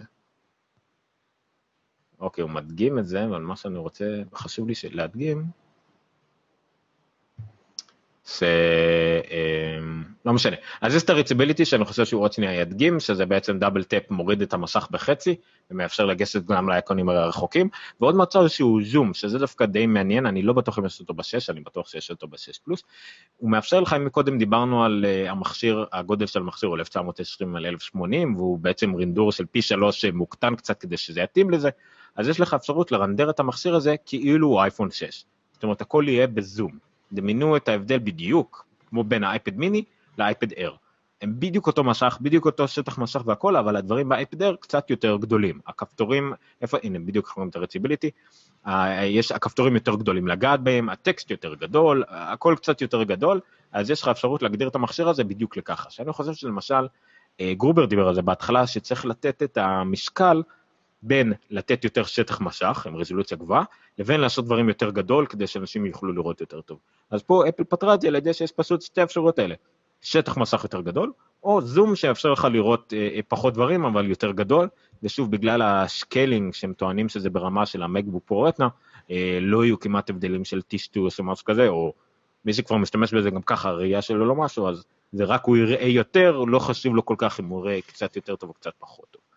אז זה הפיצ'רים הבולטים מבחינת הגודל, כל שאר הדברים הם דברים שקשורים ל-iOS 8, אה, וכמובן הגודל הפיזי של המכשיר, שאתה דיברת מקודם שהחזקת אייפון, אה, אה, החזקת גלקסי נוטס, הוא מאוד דומה לזה, מה שכן, המכשיר הזה הוא יותר דק מכל שאר הפאבלטים בשוק היום, גם ה-6 וכמובן גם ה-6 פלוס, הסלולה שלו גם אמורה להחזיק קצת יותר מכל שאר המכשירים היום, בטח ביחס לגודל הסלולה שלו, שלו לא הרבה יותר קטנה משל הנוט 4, אבל הוא יחזיק בערך אותו זמן, וכולי וכולי וכולי, זה, זה, זה פחות או יותר מה אפשר להגיד על, ה, על הדברים האלה ממה שידענו, אבל אה, שוב, כאמור, אה, הרבה מה, מהדברים האלה אנחנו יודעים יותר בגלל שאושר האמברגו והרבה מדברים על זה, ואולי באמת עוד קצת, אה, ממש עוד קצת נדבר על מה אחרים אמרו על זה. עוד דבר שרציתי להגיד, אה, על המכירות. בהתחלה, אה, אתה שמת פשוט אה, לינק משנה שעברה, אוקיי. בהתחלה ידענו רק שאפל מכרה אה, שי. שי מכירות, שי הזמנות מראש ב, ביום הראשון. רגע, נכניס פה עוד נתון, עוד נתון רגע, שיכניס קצת סדר בנתונים שכתבתי פה. לאייפון 6, 6 פלאס היה עכשיו מה שנקרא אורדר, הזמנה כאילו עוד לפני שממש התחילה המכירה. אה, או שעוד אי אפשר היה לקנות אותו בחנויות, אבל היה אפשר לעשות פרי אורדר. אה, לאייפון 5 גם היה את זה, אבל בשנה שעברה באייפון 5, 5C, 5S ו-5C, סליחה, לא היה את זה. אה, זאת אומרת, היו פשוט, התחילו המכירות ישר, אם אני זוכר נכון, או שלא היה פשוט פרי אורדר והיה תאריך שהחל ממנו היה אפשר לקנות. לכן, כל הקנה מידה פה הוא קצת מבלבל בהתחלה, אבל ננסה לעשות פה קצת סדר במספרים. אוקיי. אז הסדר במספרים הוא ששוב כאמור בהתחלה אפל אמרו שהם מכרו C, אה, כולם אמרו יופי C זה כבר אומר הרבה כי זה ואפל בטח תשחרר מתישהו את המספר אז היא שחררה את המספר, המספר היה 4 אה, מיליון פרי אורדרס ב-24 שעות הראשונות, אה, אתה כמו שאמרת לא היה מספר כזה דומה אנחנו לא יודעים מספר כזה על אייפון 5. זהו, זה בשביל הקנה מידה לאייפון 5 זה היה 2 מיליון. אייפון 5 זה 2 מיליון? 2 מיליון בפרי אורדר ב-24 שעות, כפול מהאייפון 5. מה שאנחנו, מה שאנחנו כן יודעים לגבי ה-5S ו-5E, שהוא מכר 9 מיליון מכשירים, מכר בפועל, בסוף שבוע הראשון למכירה שלו, בשלושה ימים הראשונים. העניין הוא של ה-6 וה-6 פלוס צופים גם בערך אותו מספר, בין 8 ל-10 מיליון. אבל, והאנליסטים דווקא אומרים על זה כאילו ברמה, בקטע טוב, זה לא בגלל שאנשים לא קונים, אלא פשוט כי אין. זה כל מה שיהיה. רגע, ויש פה עוד אבל, אנחנו צריכים לציין שבמקביל לכל המכירות האלה, ירד עכשיו המחיר של ה-5S וה-5C, וה-4S, לא, 4S לא נמכר, נכון? וה-5 בעצם, סליחה, ויש הרבה אנשים שקונים את אלה, עכשיו, ממש עכשיו, כי הייתה ירידה של 100 דולר בכולם שם, פחות או לא, יותר. לא, אין 5, יש 5C, 5S ו-6. זה את החמש? לא משנה, anyway. לא, החמש החמש זה החמש. לא. מה שאני מנסה לומר זה שעדיין קיימים עוד שני דגמים של אייפונים שנמכרים עכשיו, הרבה מאוד מהם, בגלל שהם יותר זולים ממה שהם היו קודם, ובמקביל לזה נמכרו הארבעה מיליון האלה בפרי אורדר, וכנראה שהרבה יותר במהלך הסוף שבוע. אז המספרים פה הם מדהימים, אני ניסיתי להביא מספרים של הגלקסי 5S וכאלה, אבל כל מה שמצאתי שזה... גלקסי S5, אם אני לא, או סליחה, S4 זה אמרו שהוא מכר בחודש הראשון 9 מיליון, או 10 מיליון. בחודש. כן, זה מה לא, שמכרו בשלושה ימים ב-5S. כולל ערוצי מכירה. אמ, וזה גם, ב-5S וב-5 האחרונים זה גם היה כולל ערוצי מכירה, נכון, אבל שוב, זה היה 9 מיליון בשלושה ימים. אפילו אם אתה כולל ערוצי מכירה, מה כן. שאומר, לשים על המדפים, לאו דווקא אנשים קנו. אצל אפל זה בדרך כלל אם אתה שם על המדפים, כמובן אנשים קונים. ככה זה כנראה גם יהיה עם ה-6 וה-6 פלוס. ה-6 פלוס, אנשים כבר שאלו אותי, אין במלאי לחודש, חודשיים הקרובים, גם בארץ כנראה יגיעו מעט חתיכות בודדות, פשוט כי לא יצרו מספיק, בגלל זה גם לא שמענו הרבה שמועות על זה כנראה. 6 פלוס זה כמה שזה כנראה מכשיר שהרבה יאהבו אותו, במיוחד בארץ אני בטוח שהוא יהיה להיט מטורף, כי ישראלים אוהבים דברים גדולים, אבל כרגע לא יהיה אותו יותר מדי במלאי, אז אל תבינו עליו יותר מדי, ושוב, עוד מעט נדבר על זה קצת יותר לעומק. מה הלינקים הבאים שלנו? אז כתבת שהביקורות הראשונות מדברות על זה שסך הכל התגובות אוהדות, ושוב, יש אנשים שכבר מחזיקים, מחזיקים את המכשיר ביד, היו כמה סרטוני אנבוקסינג שכבר התחילו להסתובב, יש אני... בטח את הריוויו של, של העיתונאים כאילו, שקיבלו את זה מוקדם יותר.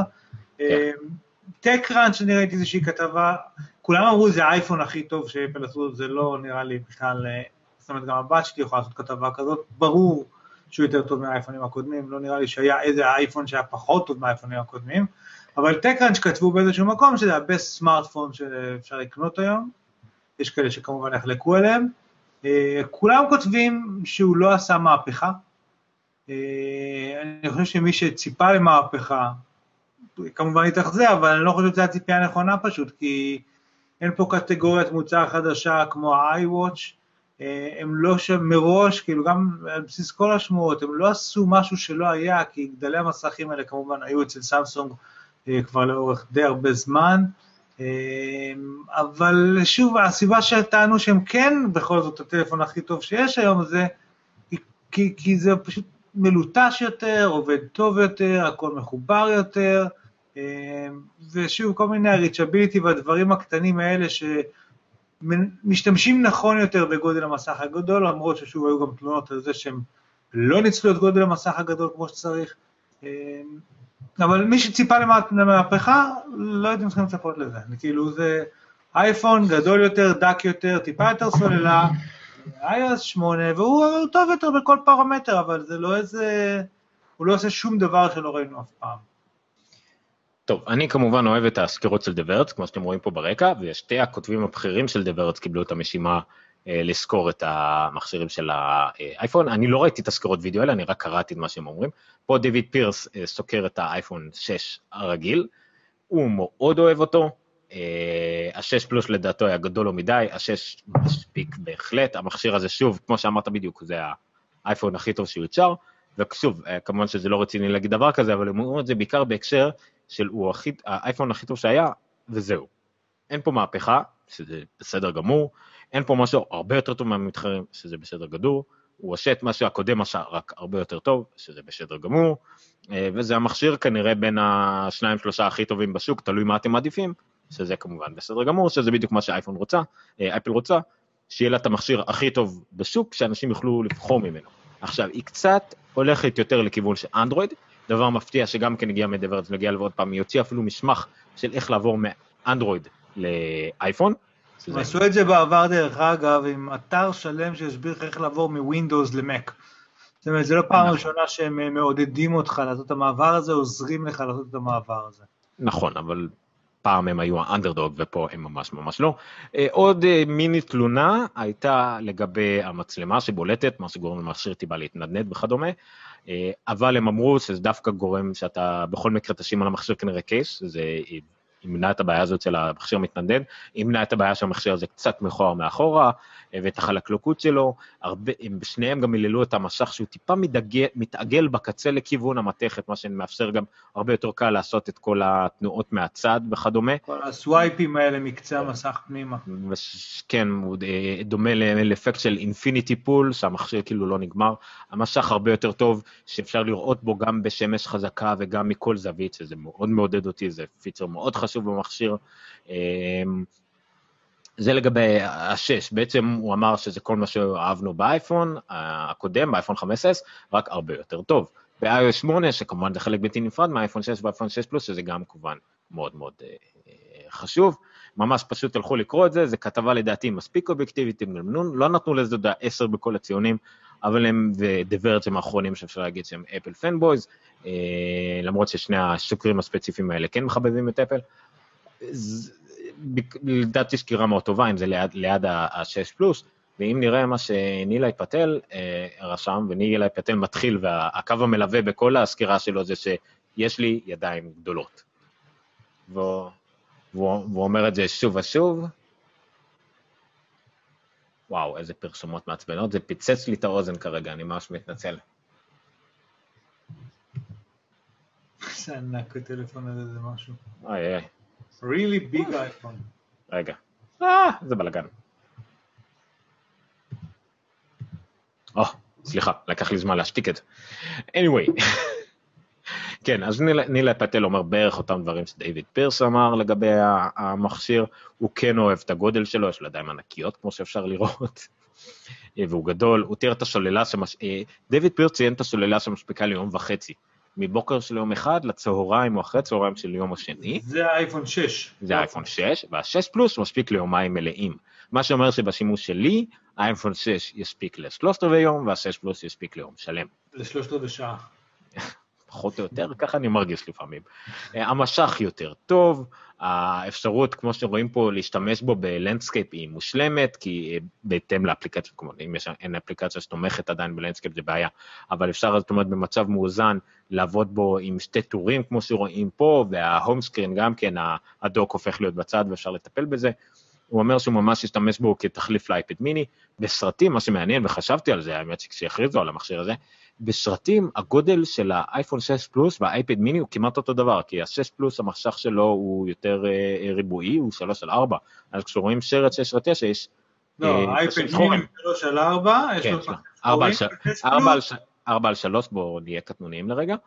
אמ, לא משנה, וכן נכון, אם רואים, ש... אם רואים שרט, אה, יש פסים שחורים למטה ולמעלה, ומה שאנחנו רואים מהסרט זה בערך מאוד דומה למה שרואים ב-6 פלוס על משך מלא. אז uh, זה מאוד מרשים, וזה בערך, למי שמשתמש באייפד מיני, בעיקר לצרכי מולטימדיה, למשל, כנראה ה-6 פלוס יהיה המכשיר האולטימטיבי בשבילו. אה, מי שעדיין צריך את השטח מסך אה, של המיני, ואולי מקלדת יותר גדולה וכדומה, אז עדיין יש לזה שימוש, אבל ה-6 פלוס בהחלט עושה. כן, הוא נורא לא אוהב את, את הכפתור של ה paste. אה, גם המקלדת יכולה להיות יותר גמישה, והנה, זה ליד הנקסוס 7 לדעתי, שרואים שהמסך ממש ממש דומה, או שזה אייפד מיני עם, אה, עם 6 או 9, סליחה. אה, בקיצור, זה ביקורות ייצוגיות למכשיר, האייפון הכי טוב שאי פעם יוצר, הוא יותר גדול, הוא יותר טוב, הוא יותר מהיר בצורה מגוחכת, המצלמה, שניהם נשפכו על המצלמה, נילי פטל אמר חד וחלק, זה הצילומים הכי טובים שראיתי אי פעם בטלפון סלולרי, אה, כמובן שגם הרבה יותר קל לראות את מה שאתה מצלם על ה-6 פלוס ולערוך את מה שאתה מצלם, כי אפל השאירה, פה רואים דוגמה שלה, טוב רואים את זה מקוטע, אבל של השלואו מושן וההייפרלפס וכל שאר הפיצ'רים, פשוט כנראה אה. גם המצלמפון המושלם. בקיצור, ביקורות נשפחות פחות או יותר. כל הכבוד, אין לי הרבה מה להגיד, אה, גם מבחינת הביקורת, כל הכבוד, אבל... אה, וגם המכשיר שפשוט, שוב, הביקורות הכי גרועות, וגם מבחינת כאילו קוטלות וגם מבחינת כתובות גרוע, זה כל אלה שציפו מאפל להמציא את הגלגל מחדש. תירגעו, היא חידשה, מי שרוצה להחליף טלפון סלולרי והגיע זמנו, זה הטלפון כנראה הכי טוב שיכול למצוא. מי שקנה אייפון רק שנה שעברה, סבבה, לא מתאים לך, תדלג על השנה, השנה הבאה יצא מכשיר יותר טוב. או אם אתה משוגע כמונו, תקנה כל שנה מכשיר חדש, מה שאתם רוצים תעשו, מה שנוח לכם. המכשיר הזה לא בא לשנות את החיים שלכם, אלא אם כן אתם ממש הולכים להשתמש בעניין של התשלומים בארצות הברית כל הזמן, שזה באמת משהו שמשנה התנהגות פיזית, משנה התנהגות. אה, תעשו מה שאתם רוצים. זה מה שדיברנו עליו, אה, מדריך על איך להעביר את התוכן שלכם מהאנדרואיד לאייפון. זה נורא שעשע אותי, עוד לא ראיתי אותו, רק נתתי את הלינק, אני לא יודע מה, בואו נראה איך מעבירים, מה אתה רוצה לדעת? תמונות, איך מעבירים מוזיקה? מוזיקה. מוזיקה זה מעניין. בוא נראה, אפשר לעבור לאייפון, אתה יכול להגיד מוזיקה, רק תש- תשתול, אה, הנה, רק תתקין אפליקציה של סטרימינג מוזיקה, או תשתמש בתוכנה iTunes כדי לעשות import של המוזיקה מהאנדרואיד. אוקיי, איך עושים את זה? אני לא יודע. אה, אה, יש Android File Transfer, שזה של אנדרואיד, מתברר. כן, זה של אנדרואיד, זה האפליקציה שאיתה אתה מוריד קבצים, תמונות ודברים כאלה, כשיש לך אנדרואיד שהוא מחובר למק. אוקיי, טוב לדעת. אה, אה, בקיצור, יש פה דברים מעניינים, אם אי פעם טעיתם. אה, כמובן שהכי קל לעבור זה אם אתם בכל מקרה באקוסיסטם של גוגל, אז אתם יכולים אפילו לעבור בין המכשירים, וזה הכי קל. אני קצת עזבתי את זה, ואין לי, גם אם אני רוצה לנסות אנדרואיד, זה כנראה יהיה ייסורים קשים של להעביר את כל המידע. אבל למרות שנראה לי שאת ה address book שהכנתי לו מזמן לצורך הניוזלטר של גיקסטר, אז אולי זה פחות או יותר. לא משנה, זה מעניין. אה, אוקיי, זה קצת inside זה, זה, זה דיברנו, בואו נבטל את ה screen sharing, כי מפה כבר אני לא שמתי את הלינקים כמו שצריך. איי, טוב, דיבר, סיימנו עם האייפון 6, מה אתה אומר? כן, נראה לי שאמר, שזה, שזה מה שיש לומר עליו בגדול. אמ, יש את ה payment שמתחבר אליו, שאפשר עכשיו לעבור אליו בצורה אלגנטית. בסך הכל, אייפון 6 אחלה טלפון, אנחנו רוצים כזה, אתם רוצים כזה, בואו נדבר בעובדות. אה, ואם אתם רוצים גלקסי 5S או S5, איך שקוראים לו, תקנו גלקסי S5, גם בסדר.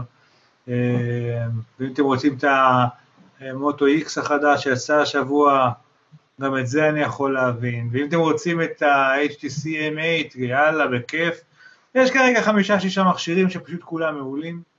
אה, מי שמתעקש על אנדרואיד ימצא את המענה שלו, מי שאוהב אפל גם ימצא את המענה שלו, ולא יצטרך להתפשר יותר על דברים כמו גודל מסך או לא אלוהים יודע מה.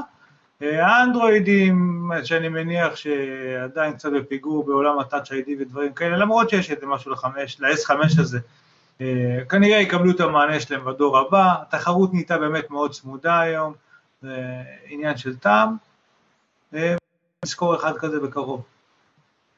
כן. אוקיי, אז הנושא הבא שלנו, אני לא יודע, אולי אני, אין לי אפילו איך לרשום לי טיימקוד כדי שנדע איפה אנחנו, כי אחרי זה אני צריך גם לערוך את כל הבלאגן הזה. אז הנושא הבא זה האפל פיי, התשלומים של אפל. זה, נעבור על זה יותר ברמה פילוסופית, כי זה מן הסתם לא יהיה רלוונטי בארץ בינתיים, למרות שלדעתי, ותקן אותי אם אתה חושב אחרת, מי שיש לו חשבון אפל אמריקאי והוא משתמש ב... נגיד אמזון ואי-ביי וכדומה, שיאפשרו את האפל פיי ברמת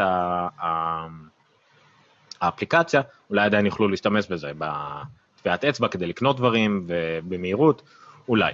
אני בוא... רוצה רק לומר שבניגוד למה שאחרים צפו, אני צופה שזה יגיע לארץ הרבה יותר ממה שאנחנו חושבים.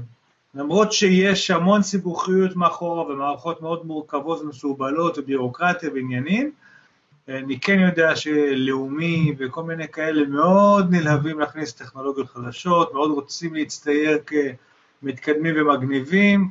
עם הראשון שיהיה בארץ עם Apple Pay, לדעתי, או שיתמוך בזה, כי הלוא הטלפונים יגיעו, וכבר יש מקומות עם NFC reader. הראשון שיתמוך בארץ, לדעתי, כן יזכה לאיזשהו הייפ של מגניב, קולי ומתקדם. אה, ואני מניח שהם כבר בדיבורים, אני מניח שלאפל יש כרגע מחלקה שמטפלת בדיוק בשיחות עם חברות אשראי בינלאומיות כדי לה, לה, להכניס את זה. נראה, אני לא חושב שזה ייקח הרבה יותר מדי שנים. אה, אוקיי, אני, אתה תמיד היית אופטימי בקטע הזה, אני משער. וזה הגיע, הגיע payments, אמרתי שיהיה NFC, הכל קרה, כמו שאמרנו, זהו. עד, עד שנה מהיום אנחנו משלמים Apple Payments, זה ה prediction שלי. ואפילו לדעתי פחות. נראה, נחיה ונראה. Anyway. אני ברמה הפילוסופית, א' כל אני רוצה להסביר, אולי לא שבוע שעבר בגלל, כי אנחנו גם אומרים דברים כאילו מובן מאליו, אבל תכלס בשבוע שעבר לא סקרנו את זה מספיק, אז אם מישהו מסתמך רק עלינו, א' כל טעות. ב', נסביר טיפה. רגע, רגע, זה טעות, אבל... אנחנו שמים בשואונוטס את כל הלינקים וההרחבות והעניינים והזה, ואתם יותר מוזמנים להיכנס ו... ולקרוא עוד ולהרחיב ולשאול אותנו שאלות שלא קיבלנו אפילו אחת השבוע, לדעתי, למרות שיש לנו כל כך הרבה תשובות שרק מחכות שמישהו ישאל כאילו את השאלה הנכונה כדי להוציא אותן. אוקיי, אז איפה השואונוטס? רגע, אתה יודע מה? אנחנו נקרוא בברייק, אני אעשה עוד משהו, וגם שאלות טכניות, על Mac ועל Windows, כי כל שאלה שיש לכם. ועל לינוקס, because I know a guy. אה, אוקיי, לינוקס. זה הסימביאן, כאילו, אבל אם באמת יש לכם שאלה איך עושים זה ואיך עושים מה זה, זה כוכבית 12345 סולמית, מה זה היה בסימביאן שהיית נכנס להגדרות? כן, היה זה משהו כזה, קוד כן. טכנאים. כן. קיצור, אם יש לכם איזה שהם שאלות טכניות, אתם מוזמנים לשלוח אותם ל noncast at geekster.co.il, נכון? או נכון. לשטרודל עומר ניניו בטוויטר. או לשטרודל nirho, N-I-R-H-O, בטוויטר, או לתפוס אותנו בפייסבוק או whatever. אני מוסיף השבוע, שים לב, זה חדש, לינקדאין, ניר חורש בלינקדאין, אתם תמצאו אותי, אה, כי אני מתחיל לחפש עבודה. אז אם יש עבודה בשבילי, אני אנצל את הבמה הזאת, אני אשמח לשמוע הצעות. אתה סתם מנסה שאני אגדיל לך את השכר ב-400 אחוז. קיבלת, קיבלת. יאללה, בכיף. אמ, ה show notes יהיו ב geekster.co.il/noncast/065. אתם יכולים גם להירשם לניוזלטר שלנו ב bit.ly/geeksternews. או באתר שלנו, פשוט מימין שם תראו בכל מקום אפשרות להירשם לניוזלטר, שזה נורא מגניב, מקבלים בצורה מרוכזת פעם בשבוע את כל הכתבות שהיה לנו בגיקסטר, או אם אתם רוצים רק ב Noncast, אז עדכון כל פעם שעלה פרק חדש. אוקיי, בואו נגיע ל Apple Payment. ונדבר עליו טיפה יותר בכללית. אז ל Apple Payments מורכב משני דברים, אחד זה רכישה פיזית בחנויות, ניגשים עם האייפון ו/או ה Apple Watch, ואפשר לשלם באמצעות NFC, כמו שראיתם בסרטונים כבר בוודאי, לשלם במקום, אתם גם מצמידים את המכשיר לקורא NFC וגם מאשרים את זה עם טביעת אצבע. מה שלא ידענו שבוע שעבר זה איך ניתן לאמת את הזהות שלך באמצעות האפל וואטס. והאם אנחנו חייבים תמיד טלפון איתנו כדי להשתמש באפל וואטס בתור תשלום, שזה קצת טיפשי אמנם. אולי זה קצת נוח כי האייפון בתיק והשלום גם כך ליד, אבל מה קורה, והדוגמה למשל, של מישהו שיצא לריצה ורוצה לעצור בקיוסק, לקנות משהו, מה, צריך לשכוב את האייפון איתו, מה, מה עושים? אז האמת שנראה לי מיד אחרי, כן, מיד יום אחרי האירוע, כשראיתי את מקברק וויקלי, ורנה ריצ'י היה הראשון מאיימור, הראשון שאמר את זה, השיטה של אפל לאבטח, או סליחה, לאמת את הזהות שלך בעת שימוש באפל וואטס, היא נורא נורא מגניבה. אתה רוצה לשפר לנו על זה? איך זה עובד?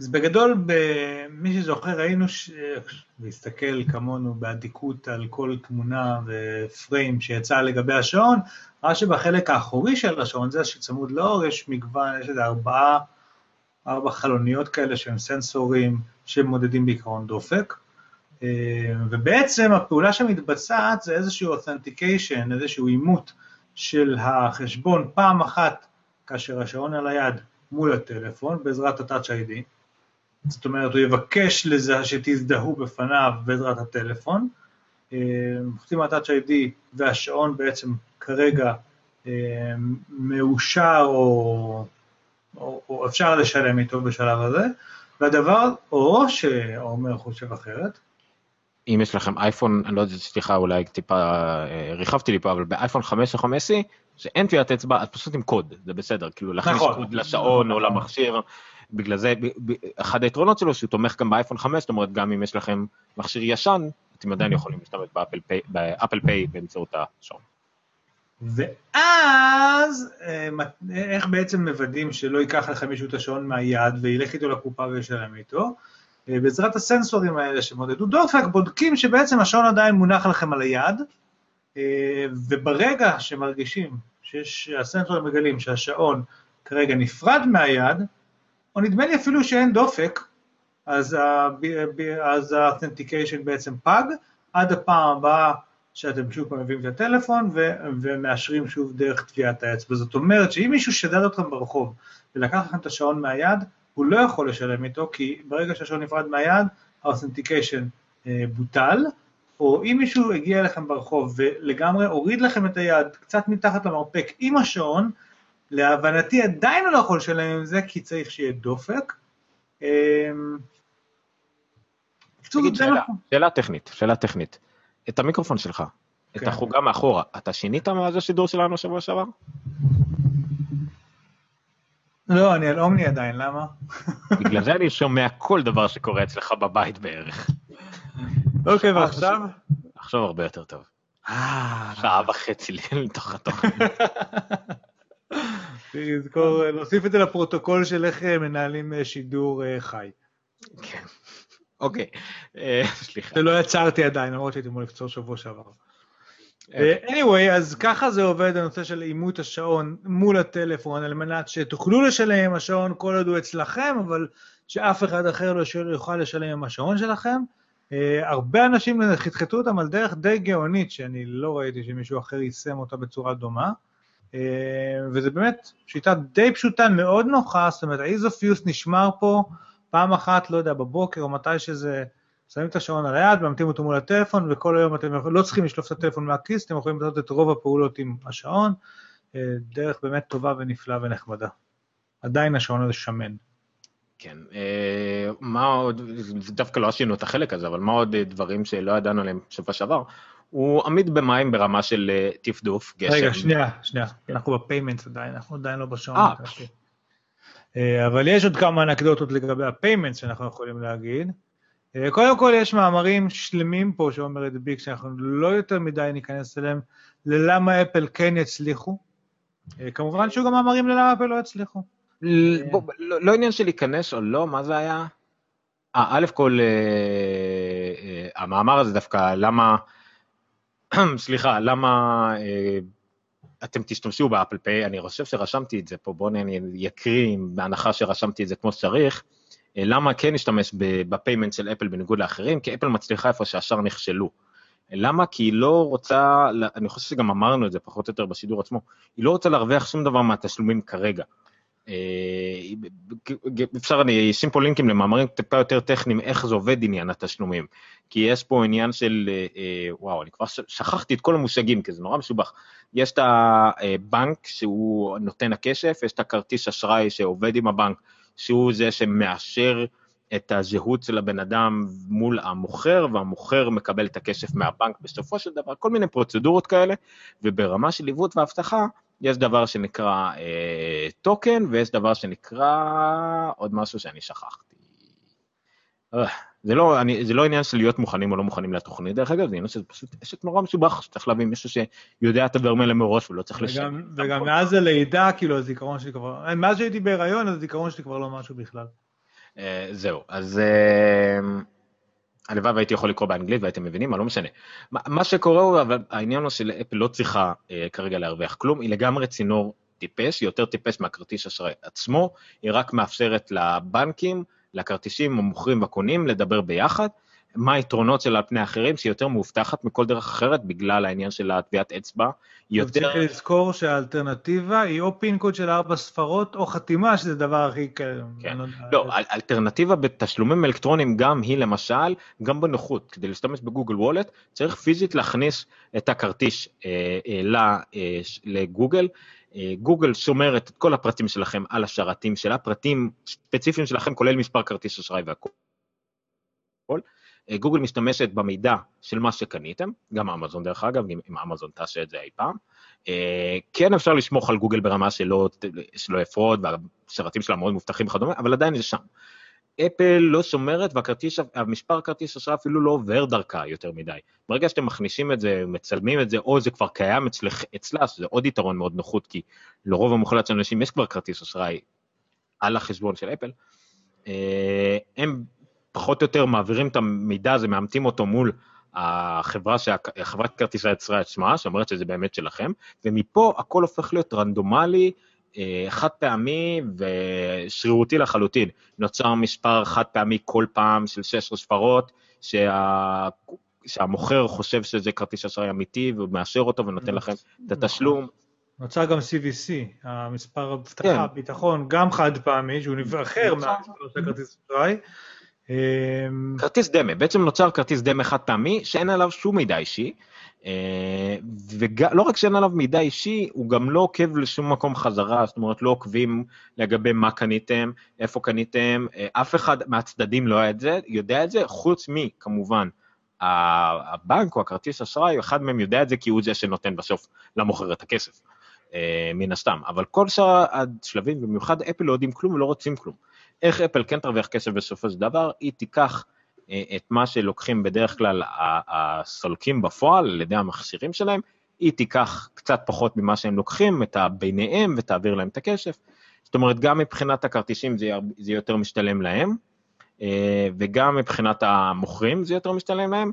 הקונים לא הרגישו כלום האמת, חוץ מאקסטרה נוחות, הקונים לא מרוויחים מזה, אוקיי? לא באו להרוויח.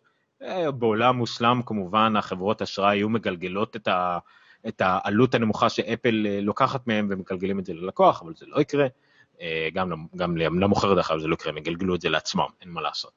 אבל כן אפל תרוויח משהו מסוים, משהו בסגנון של, אה, אנחנו ניקח 30 אחוז מ... מהאפליקציה או מהמוזיקה שאתם מוכרים בחנות, 30 אחוז קטנים אה, מכם, לא מהיוצר ולא מהכל, זה, זה רק כדי לממן את העלות שלנו. מה שקרה בשוף הוא שהאייטונס לבד יותר גדול מרוב, לא מרוב, מהרבה מאוד חברות בעולם. זה מה שאפל מכניסה כדרך אגב. אני אקח את זה, את מה שאמרת עכשיו, לשני כיוונים, או לשני דברים שקשורים לזה.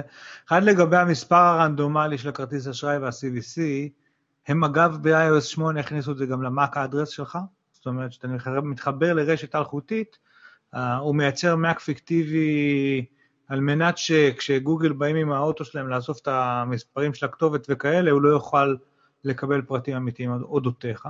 זאת אומרת, הנושא הזה של הפרטיות, הם uh, הולכים איתו, תוקפים אותו מכל מיני כיוונים. Uh, ושוב פעם, אני רק רוצה לציין שגוגל ופייסבוק וכאלה, שחיים על המידע וחיים על הפרסומות, הם כל פעם מחדש מגלים כמה הם קוצרים את המידע וכמה הם אוספים מידע עליך.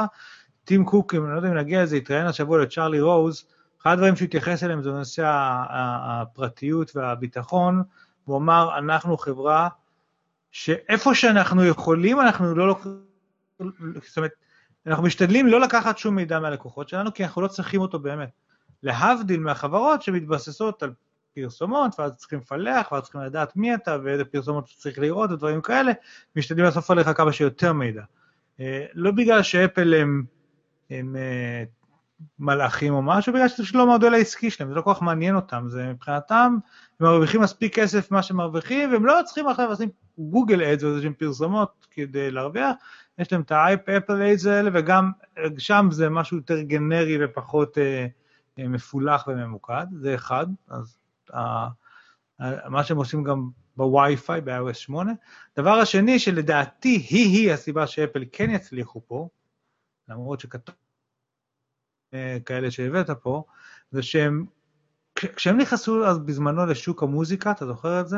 או לשוק הסדרות או הסרטים או כאלה באייטיון סטור, אחד המהלכים, לדעתי הנכונים והמוצלחים שהם עשו, זה מראש, קודם כל, לסגור כמה שיותר שותפים לסיפור הזה, ורק אז להשיק את זה. כך שכשהמשתמש יתחיל להשתמש בזה, יהיה לו המון value והמון content והמון הוא ימצא איך להשתמש בזה, כל אחד ימצא שם את עצמו בגלל שיש כל כך הרבה קונטנט וכל כך הרבה תכנים, כאילו זה אותו דבר גם, אה, אבל כל כך הרבה value שכל אחד יכול למצוא שם. פה הם עשו, לדעתי הצד הקריטי והמשמעותי שלהם היה בדיוק זה. ברגע שהם סגרו את ויזה, מאסטרקארד ואמריקן אקספרס, וברגע שהם סגרו כמה, 20 ומשהו בנקים שהם מכסים 83% מהשוק האמריקאי, וברגע שהם סגרו עשרות אה, retailer ים ו- ורשתות מובילות כאלה ואחרות, אה, כך שאת רוב הקניות היומיומיות של האזרח האמריקאי, לא הממוצע, אלא האזרח האמריקאי שהוא גם בעל אייפון הממוצע,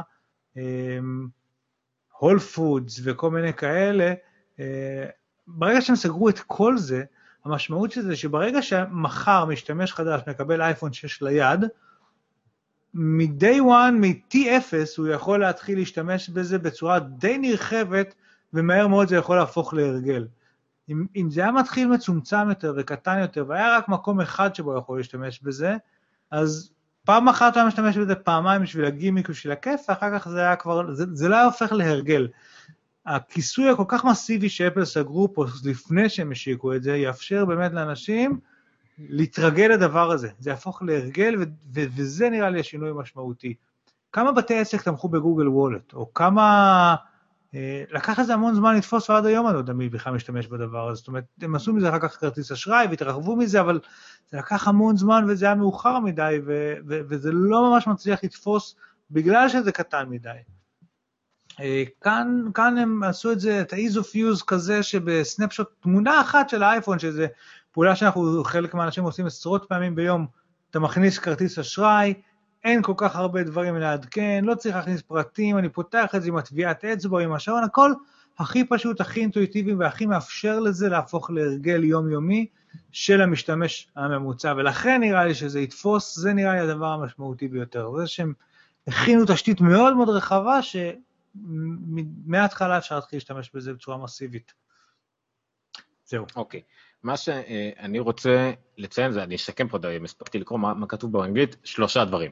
חוץ מההבדל הטכני, אה, מה היתרון של אפל? אה, לגבי למשל מה שהיה עם גוגל וולט, גוגל וולט טורפד הרבה על ידי החברות הסלולריות. למשל בוורייזון אי אפשר להשתמש בגוגל וולט, כי להם היה משהו משלהם אה, עם NFC, שבהם יכולת להשתמש, וכל המכשירים של וורייזון, אפילו אם היה להם, אה, גוגל וולט לא יכלו להשתמש בזה, כי וורייזון וכדומה אה, טרפדו את זה. אה, אותו דבר לגבי יצרני חומרה, שלפעמים שם הוא NFC, אבל זה לא תמך בטכנולוגיה של גוגל וולט, ולהפך, זאת אומרת, גם חברות סלולריות וגם אה, חברות טלפונים סלולריים הגבילו את זה, למרות שגוגל שוב הייתה הראשונה ברמה של שנים. Softcard זה חברה שניסו Verizon, Verizon, AT&T ו-T-Mobile, ניסו לעשות בעצמם משהו כזה, וזה פשוט טורפד על ידי הטמטום עצמם, שהם פשוט לא ידעו איך לתפעל את זה כמו שצריך, ולא ידעו להתייחס טוב ללקוח, וכל מה שהם רצו זה רק לקחת עוד ועוד מידע ללקוח. אה, ופייפל, שאין לה מכשירים פיזיים, אז היא לא חלק מהעניין, והיא תלויה באפליקציה לדברים אחרים. אה, לאפל זה כמובן, כמו שאמרתי, זה השקעה לטווח ארוך גם. היא בניגוד לכל השאר, זה, אה, לא בניגוד לכל השאר, בוא נגיד לפייפל יש לה שרידות הרבה יותר ארוכה, היא יכולה לשרוד שנים על אלפית אחוז מהשוק, עם פייפל, עם פייפל, כמו שראינו, שהמניה שלה צנחה ב-18% מיד אחרי ההכרזה של אפל, מספיק שהיא תרד ב-5% כמה רבעונים רצוף, והיא פשוט תתמוטט ותיעלם מהעולם. אמ, ושוב, אפל לא מחפשת כרגע לעשות את הרווחים, ו, אה, וגם, מאוד חשוב בעניין הזה, שהיא תביא, כמו שאמרתי, היא תביא הרבה מאוד רווחים, גם למוכרים בגלל העניין של אה, ביטוח שקשור ל fraud, איך אומרים fraud? הונאות. אה, להונאות, אוקיי? אה, כרגע רוב ההוצאות על הונאה מתגלגל על המוכר, שהוא צריך לשלם כביכול עמלת ביטוח לחברה, לחברת כרטיסי אשראי, במיוחד באונליין, מה ששוב מאוד יעודד אנשים, חברות ואפליקציות להכניס את הכפתור פיי הזה אה, באפליקציה שלהם לאייפון, כי זה בעצם מגלגל את כל האחריות על אפל, אה, וגם הבנקים עצמם, מן הסתם, שלא צריכים כל פעם להנפיק כרטיסים חדשים, וכל הנפקת כרטיס עולה הרבה כסף, יחסית, אה, לעלות הפלסטיק, וגם זה יחסוך את זה מהם. אז יש פה הרבה חיסכון להרבה צדדים, אפל עם מינימום הוצאות, וכנראה בעתיד הרבה מאוד רווחים. אף אחד לא מדבר כרגע על אפל לא תהפוך להיות בנק, לא תנצל את ה-150 מיליארד דולר שיש לה במזומן, שהיא בקלות יכלה להיות בנק. זאת אומרת, כל מה שצריך כדי להיות בנק, שיש לך המון כסף כערבונות, ואז לקחת עוד כסף מאנשים, לשחק בכסף הזה בבורסה. אפל יכולה לעשות את זה, היא לא עושה את זה.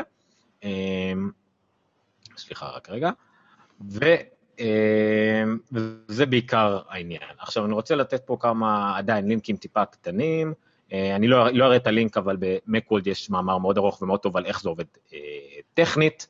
אה, במשאבל גם כן עשו איזה משהו מאוד טכני על איך זה יעבוד ואיך זה יעבוד אה, תמונות ממקדונלדס, אני לא, בוא נראה את זה באמת, כן, לא. שיוציאו את הקופסה החוצה, ואני בינתיים אציין שיש גם uh, כמה גדולים שמסיבות כאלה ואחרות לא הצטרפו עדיין לאפל פיי, המשמעותיים ביותר ביניהם זה כמובן וולמארט ובסט ביי. סיבות שהס... מאוד ספציפיות. בדיוק, שהסיבה העיקרית זה שהיה להם איזושהי בעיה עם NFC. והם בעצם בחרו טכנולוגיה אחרת, אז הם לא תומכים ב-NFC, טכנית, כרגע אין להם NFC בקופה. אה, אני די משוכנע שאם הדבר הזה יתפוס בצורה משמעותית, הם יעשו את ההתאמות הדרושות להם. לא כל כך מהר, כי מדובר בטכנולוגיה שלהם. אה, אה, שפשוט... אבל הם לא חייבים לבטל אותה. בשיטה של Q, נכון, בשיטה של QR code, אבל יש להם הרבה יותר יתרונות בשיטה הזאת. מבחינתם, וולמרט בעיקר, Best Buy בקלות יכולים להיכנע, כי Best Buy יש להם שותפות גדולה מאוד עם אפל. וולמארט, שוולמארט היא אחת, אני חושב, היא המעסיקות הכי גדולות בעולם, ויש לה המון סניפים, והיא נורא מרושעת לעובדים שלה וכדומה. היא לא תמהר לעשות דברים לטובת הלקוח בקטע הזה, אבל שוב, הכל יכול להיות, זה לא, זה לא בגלל שהם אנטי אפל, אלא פשוט כי יש להם משהו מבחינתם שעובד כרגע, ואין להם טעם להכניס גם כי הם מאוד ענקיות. וולמארט עכשיו להכניס כל כך הרבה NFC, כי תחשוב, בכל וולמארט ממוצע יש 20 או 30 קופות, כפול אה, אה, כמה יש להם, איזה 7,000 סניפים בארצות הברית, קצת מוגזם. אה, כן, זה השיטה. אנחנו רואים פה, זה הש- זה השיטה של... אה, אה, לא, זה סטארבקס, סליחה. כן, כן, זה סטארבקס, שדרך אגב מאוד מתקדמים טכנולוגית ותומכים בהכל. תומכים אה, בכבל. אה, תומכים בהכל. אה, וולמארט, דרך אגב, אה, א', אם ירצו יעשו את זה. אה, מה שחשוב לזכור זה שכשאתה תומך באפל payment כאלה, אתה מביא את הלקוחות העשירים יותר והאמידים יותר, אה, הרבה פעמים. לא בטוח שזה קהל היעד של וולמארט, אבל הם ישמחו אם החבר'ה האלה יבואו לבקר אותם, ואם טארגט יעשו את זה, אז... טארגט עוד עשו את זה. טארגט עשו את זה בדיוק, אז יש פה עוד יותר אינסנטיב. ייקח זמן, שוב, כי, אבל הם לא צריכים לוותר על המערכת שלהם, זה כן חשוב להבין, הם יכולים להישאר עם המערכת שלהם ולהוסיף ליד זה את ה-NFC reader, זה בסדר גמור, כאילו, הם יכולים לעבוד זה לצד זה, זה בסך הכל שיטה נוספת לקרוא את המספר כרטיס אשראי, במקום לעשות שווייפ של פס מגנטי, כאילו, זה לא משהו מעבר לזה. טוב, עכשיו לשיפור מגניב, סתם קראתי את זה כטיטביט מאוד קטן. אה, בבוקר של ההכרזה של אפל על כל האייפון 6 בהתחלה, ואז על פי פנמט ובסוף אפל וואט, ג'יי פי מורגן, זה שם ארוך, ג'יי פי מורגן צ'ייש, המנכ"ל הפיננסי, הסמנכ"ל הפיננסי שלהם, אה, הייתה בבמה בכנס פיננסי מאוד גדול באותו יום שלישי, וכמובן אסור היה לה להגיד, לה, להגיד שום דבר על המהלך המאוד גדול שהבנק שלה עושה עם אפל. אה, אבל היה לה, מה זה היה? מי... אוקיי, אחד מהשגנים שלה שהיה בקהל, כשהוא הבין שכרגע טים קוק על הבמה ומשפר על אפל פיי ומשפר על השיתופי פעולה, אז אחד העוזרים שלה הוציא תפוח ירוק יפה כזה מהתיק, הניח אותו על השולחן מולו, וברגע שהסמנכ"לית אה, הזאת ראתה את התפוח, היא ידעה שהיא יכולה להתחיל לדבר על זה. ואז היא התחילה לדבר על השותפות שלהם עם אפל, ממש תוך כדי ההרצאה שלה.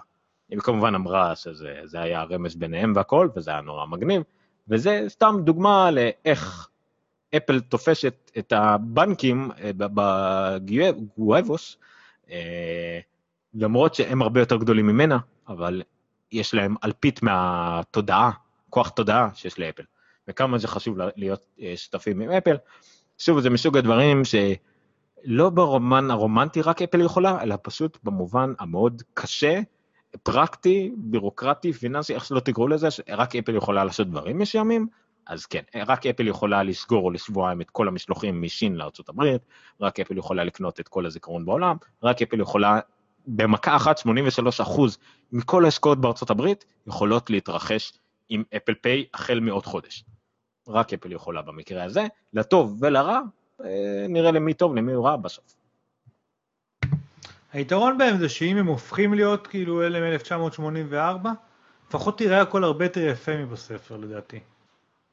כל עוד כאילו הם שומרים את ג'ון, ג'וני איב שם. כן, בטוח לחלוטין. ואת השני שצריך להתחיל לשנן את השם שלו. אה, עוד... כן, הוא אה, שהגיע מה, מהצבע, כן.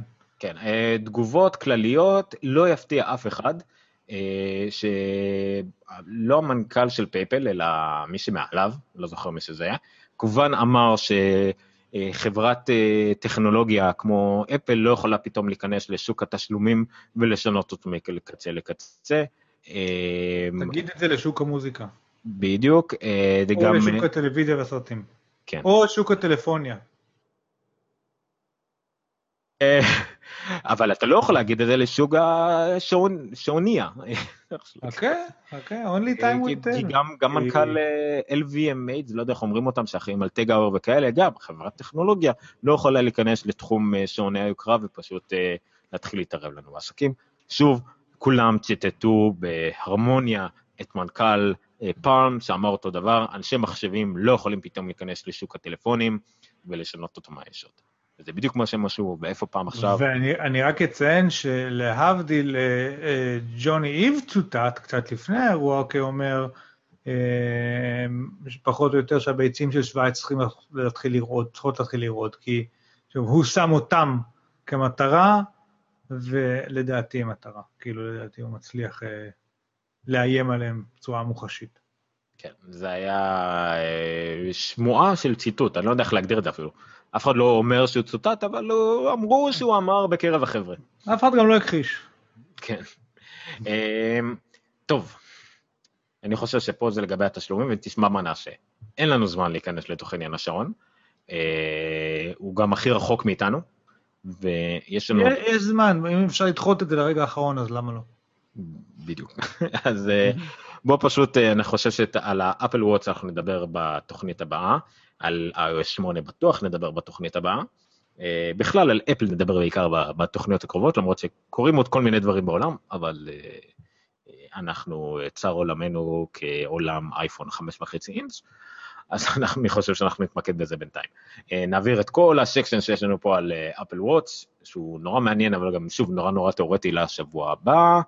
אה, אתה העברת את כל מה שרצינו לדבר עליו להתחלה, נכון? אפשר לדבר טיפה על האירוע עצמו, אנחנו בהחלט נראה עכשיו את הדבר הזה. ג'ונתן מן, אה, מיסטר סונגדיי והמאוד חביב עלינו, עשה אה, קליפ מחזמר על, ה... על האירוע של אפל ועל Apple Watch בכלל, Apple Watch the Musical. האמת שיש לו שיר כל יום ולפעמים יוצא לו שיר טוב, לפעמים שיר פחות טוב, והיה לו שיר מאוד מקסים שהוא אה, שר עם הילד שלו עליו, תינוק, ממש תינוק קטן, אבא צריך לכתוב שיר. גם פה יש פריים כזה, דרך אגב, שיהיו עם ה Baby ביונד עליו. זהו, אז הוא כאילו, אבא צריך לעשות שיר, ואז יצא בעצם השיר הכי, הכי קצר שהוא כתב מזמן, של 45 שניות, אה, כי פשוט אה fuck it ואני הולך לשחק עם הילד שלי. זה היה מאוד מקסים. אה, בקיצור, אז זה, זה המחזמר שלנו, לכו לראות, הקליפ נמצא ב... אני חושב גם שיתפתי את זה בטוויטר וכדומה, כן, הבחור עם הצעיף הסגול הזה היה לא מובן, אה, מאוד מאוד מקסים, אה, זה, זה מה שהיה לו להגיד על, ה, על האירוע של אפל, הרבה יותר נוח לי פשוט לעבור אליך בזמן שאני מחפש משהו אחר. אה, אה כן. זה נראה לי כאילו, מה זה הקטע עם יוטו? כן, כן. אני מבין אותו. במק ברק וויקלי דיברו על זה, בעיקר בקטע של, שמע, זה פדיחה, זה לא שערורייה. מה שקרה בסוף האירוע של אפל, זה שסטיב, טים קוק אה, הזמין לבמה את U2, אה, הם עלו, שרו שיר, ואז היה להם איזה דו-שיח מטופש על אה, זה שיש להם אלבום חדש, ואז הם נגעו עם האצבעות, וכאילו זה עבר ברגע זה לכל מכשירי ה-iOS והאייטיונזים עלי אדמות, פחות או יותר. 500 אז, מיליון פלוס מינוס. חצי מיליארד, כן. שקיבלו את זה בחינם, כולנו, כל מי שיש לו משהו של iTunes, יש לכם את זה, אלבום חדש של U2. אה, ואז באו מלא קוטרים, סלחו לי, ואמרו, אה, אה, שמו לי אלבום שאני לא רוצה בספרייה שלי, ועכשיו זה לא נעים לי, זה מניאק עם אפל ו U2. אז כאילו היה קצת רעש סביב זה, ואז בסוף, אחרי שהיו כל מיני הנחיות לאיך להוריד את האלבום הזה, מהספרייה. עכשיו אני מבין את זה שיש לך ספרייה ופתאום אתה מנגן ברנדום ופתאום מגיע ליוטיוב. יאללה חלאס, קיבלתם אלבום חינם, תעיפו אותו, ומה הסיפור? מה הבכי הזה? אני לא הבנתי את זה. זהו, א' כל שלא היה כל כך קשה להעיף. היו כמה בעיות בנוגע לעניין הזה. א', אה, לאנשים שהיה להם אוטו דאונות זה פשוט הופיע להם במכשיר. זה תפס להם מקום במכשיר. זה הופיע להם אוטומטית בשאפל, באייפון, באייפד הקבוע שהם משתמשים בו למוזיקה. הרבה דברים שזה פתאום הפריע למהלך חיים מסוים שאתה מצפה לו, וזה פתאום נופל עליך בבום. דבר שני, שהרבה אנשים התייחסו לזה כסוג של אה, אה, ספאם, זאת אומרת, באותה מידה ששולחים אליך פרסומת שאתה לא רוצה, אבל היא נותנת לך הנחה, אבל אתה לא רוצה, אז פה דחפו לך מוזיקה שסבבה, מוזיקה חינם, אבל אתה לא רוצה אותה, אתה לא ביקשת אותה. אה, והדבר השלישי הוא, אה, מה שרואים פה על המשך, זה who is you too. אנשים שזה פשוט לא עניין אותם, אנשים שלא סובלים את הלהקה, אנשים שזה זה, אנשים פשוט, זה, זה פשוט טמבלר שמישהו עשה, של פשוט אנשים שלא יודעים איזה יוטיוב, בעיקר כמובן אנשים מאוד צעירים, שממש היו מופתעים, לא הבינו מה קורה, זה וירוס, זה what the fuck, ואנשים שפשוט גם אמרו, אוקיי, נקשיב, הם לא אהבו את המוזיקה. יש פה הרבה בלאגן בנוגע לנושא הזה, אה, וגם הצהרה הכי גדולה שאתה אמרת אותה בסוף, אבל אי אפשר היה להסיר את זה. אה, זה הופיע לך אוטומטית כדבר שכבר רכשת. זה לא איזה נתנו לך אופציה להוריד, תוריד כן או לא, אלא פשוט כבר רכשת את זה, ולאפל היסטורית לא היה דרך אה, להסיר לחלוטין דבר שהיה קיים אצלך, למשל, אתה לא רוצה שה-NSA, FBI, CIA יראו את המחשב ויגידו, אה, הוא תומך ביוטיוב, הוא בטח תומך ב-IRA, הוא בטח אירי, הוא בטח אה, אנטי-אמריקאי, לא יודע מה. אז לא היה לך אפשרות לעשות את זה, אפל הוציאו כלי מיוחד, שמאפשר לך להסיר את האלבום של יוטיוב אה, אה, בכלל מההיסטוריה שלך. עוד לפני כן מישהו העלה איך אתה יכול להסתיר את זה, גם אם אתה רוצה שזה יהיה רשום על שמך, אבל להסתיר את זה, גם זה אפשרי. אז כן, זה היה בעיקר בלאגן, פה אפשר לראות המון המון תגובות ממש מגוחכות של אנשים לגבי מי זה יוטיוב, מי שפשוט שם את כל הציוצים האלה. אה, כן. אני, שוב, לא הייתי עושה את זה כמו שהם עשו את זה, עדיין. זה, זה בעיקר העניין, זה בעיקר העניין, זה מישהו שם לא חשב עד הסוף, זה הכל, זה פשוט עניין של... זה העניין לא הוא שחצי לא מיליארד אנשים קיבלו את זה, שלושה בערך התלוננו, לא שלושה מיליארד, וגם לא שלושה מיליון. רגע, עומר מצא משהו מאחוריו. לא, לא, לא, אשתי רוצה שנסיים. אם זה זומבי, אז תברח. שתי מיליון. אני אומר, מה? שתי מיליון. בינתיים, לפחות זה המספרים שהיו, הורידו את האלבום של יוטיוב. כי התהליך הזה, כל מה שקשור לאקטיבי, אנשים שצריכים לבצע פעולה אקטיבית, רק שתי מיליון הורידו את זה. אה, מחקו את זה. לא. יש אנשים שזה לא עשו, אין להם הורדות אוטומטיות, או, או לא יודע איך בדיוק הגיעו לזה, אבל מבחינת ספירה של אנשים שביוזמתם הלכו והורידו את היוטו הזה, היו רק שתי מיליון. מאלבום הקודם של יוטו נמכר 1.1 מיליון, אז זה כבר יותר טוב. ואז גם שאלה לגבי אם זה ייחשב כאלבום, ה... כאלבום הכי נמכר בכל הזמנים, איך הם מחשבים את זה כמכירה או לא כמכירה, ואיך בילבורד התייחסו לזה. סמטוחה שלמה על סתם, על סתם להקה מגניבה שבאה לנגן בסוף, אוקיי, להקה זקנה קצת. ונתנו לך דיסק חינם, זה כאילו היו נותנים, היית הולך עכשיו לאיזה מופע, בסדר? והיו, או לכנס, והיה בא בן אדם ונותן לך דיסק ביד. ברסלב נגיד, סתם לא, אבל נותן לך דיסק מתנה ביד, לא רוצה, אל תשמע, אבל חלאס, יאללה, נו, אתה מתבכיין, בסדר, הבנו, זה לא נעים, אבל... לא יודע. נכון. בעיניי כאילו הסיפור כרגיל נופח מעבר לכל פרופורציות, ומעט אנשים שעשו הרבה רעש, סתם ביאסו את החגיגה. אבל קיבלתם אלבום כן. חינם של יוטיוב, תגידו תודה. לא, זה היה לגמרי פשוט אה, יותר מדי וקצת מיותר, זה היה בעיקר כל הבלאגן הזה, אבל אה, בסדר, לא נורא. אנחנו שוב, אנחנו פשוט נדלג לצערי, סליחה, בגלל איכשהו ששינינו קצת יום ליום רביעי, זה טיפה, אני אהיה חייב לדלג. אה, כן נציין שהאייפוד הרשמי, הקלאסי נפטר, אה, לא נמכר יותר באתר, ראינו את זה כבר מיד שבוע שעבר באירוע, אז מאז זה נהיה רשמית, וגם אה, שכחתי שוב את שמו, ממציא, המפתח העיקרי של האייפוד גם שפד לו וכדומה. כמה כתבות בעברית נחמדות דווקא על אפל, אתר שנקרא Redefine, שלא שמעתי עליו.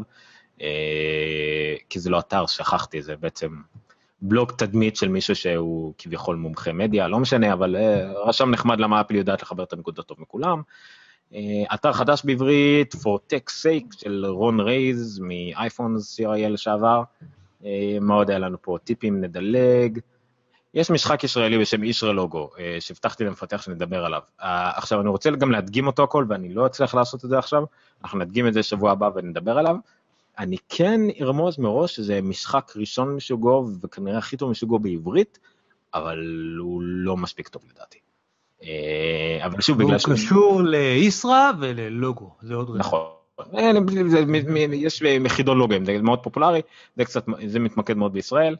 תוכנית, מבחינת תוכן שלו, הוא סבבה לגמרי, אפשר, אה, עיצוב שלו זה טעם וריח, ופיצ'רים שלו זה יותר סאונד וריח, אבל uh, בסדר, אני נדבר על זה קצת יותר בריקוד שבוע הבא, ניתן לזה זמן מראש, אולי אפילו נראה שבוע הבא, כבר, כבר יהיה לנו תוכנית uh, אחרת, נראה כבר.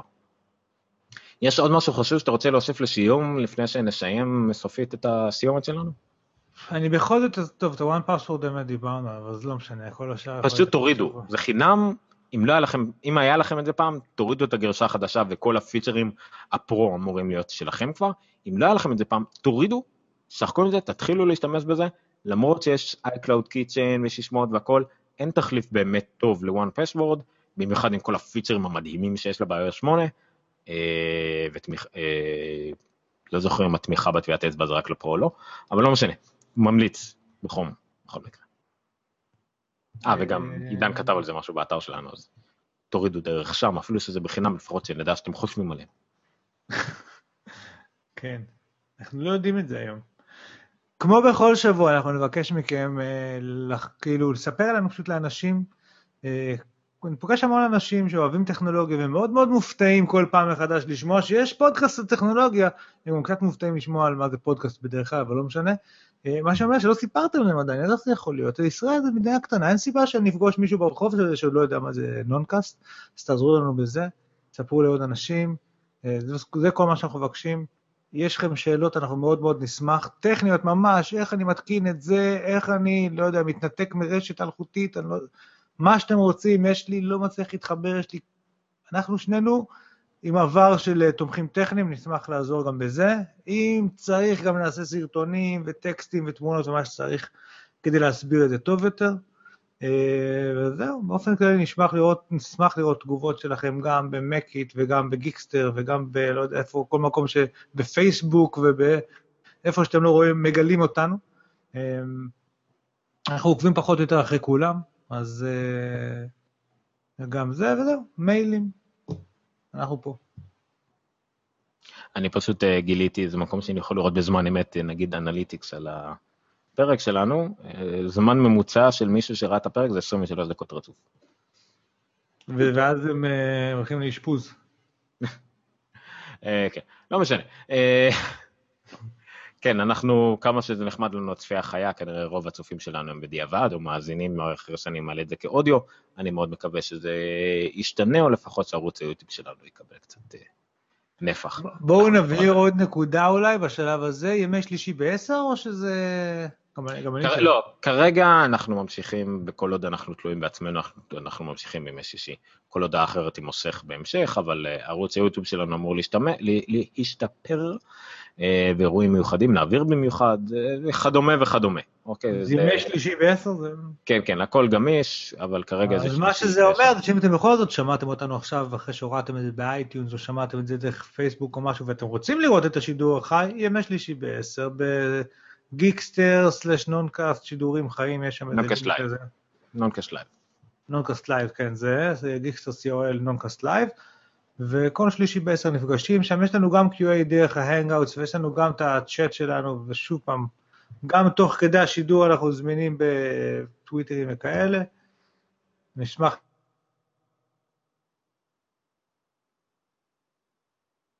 בהחלט. אם יש לכם נושא מיוחד שאתם מתמחים בו, אתם רוצים להביע עליו את הדעה המאוד uh, מעניינת שלכם, אנחנו בטוחים, אז uh, בכיף.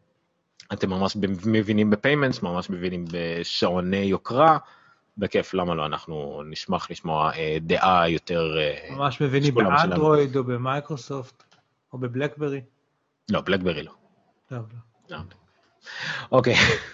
אתרי 2600?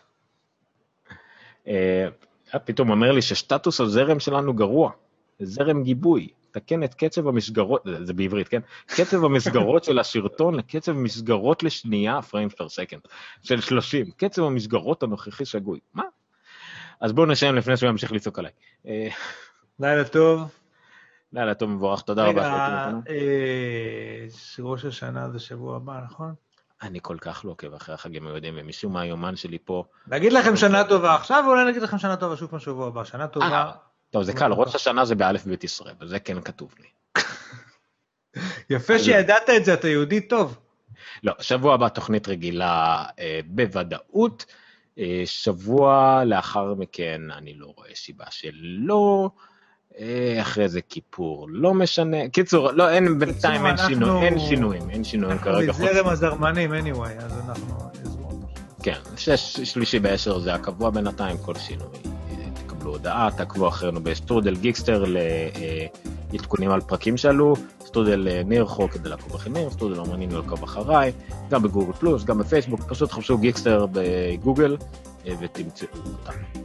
וזהו, אני חושב, ותפיצו את זה. כל הקבוצות פייסבוק שאתם מכירים, הכל, יש אחלה חבר'ה, מדברים, אה, פרשמו אותנו, ותודה רבה לכם. לילה טוב. לילה טוב, ומה אמרנו שהשלוגן שלנו לסיום? אני לא יודעת, אתה משנה את זה כל תוכנית. stop broadcast.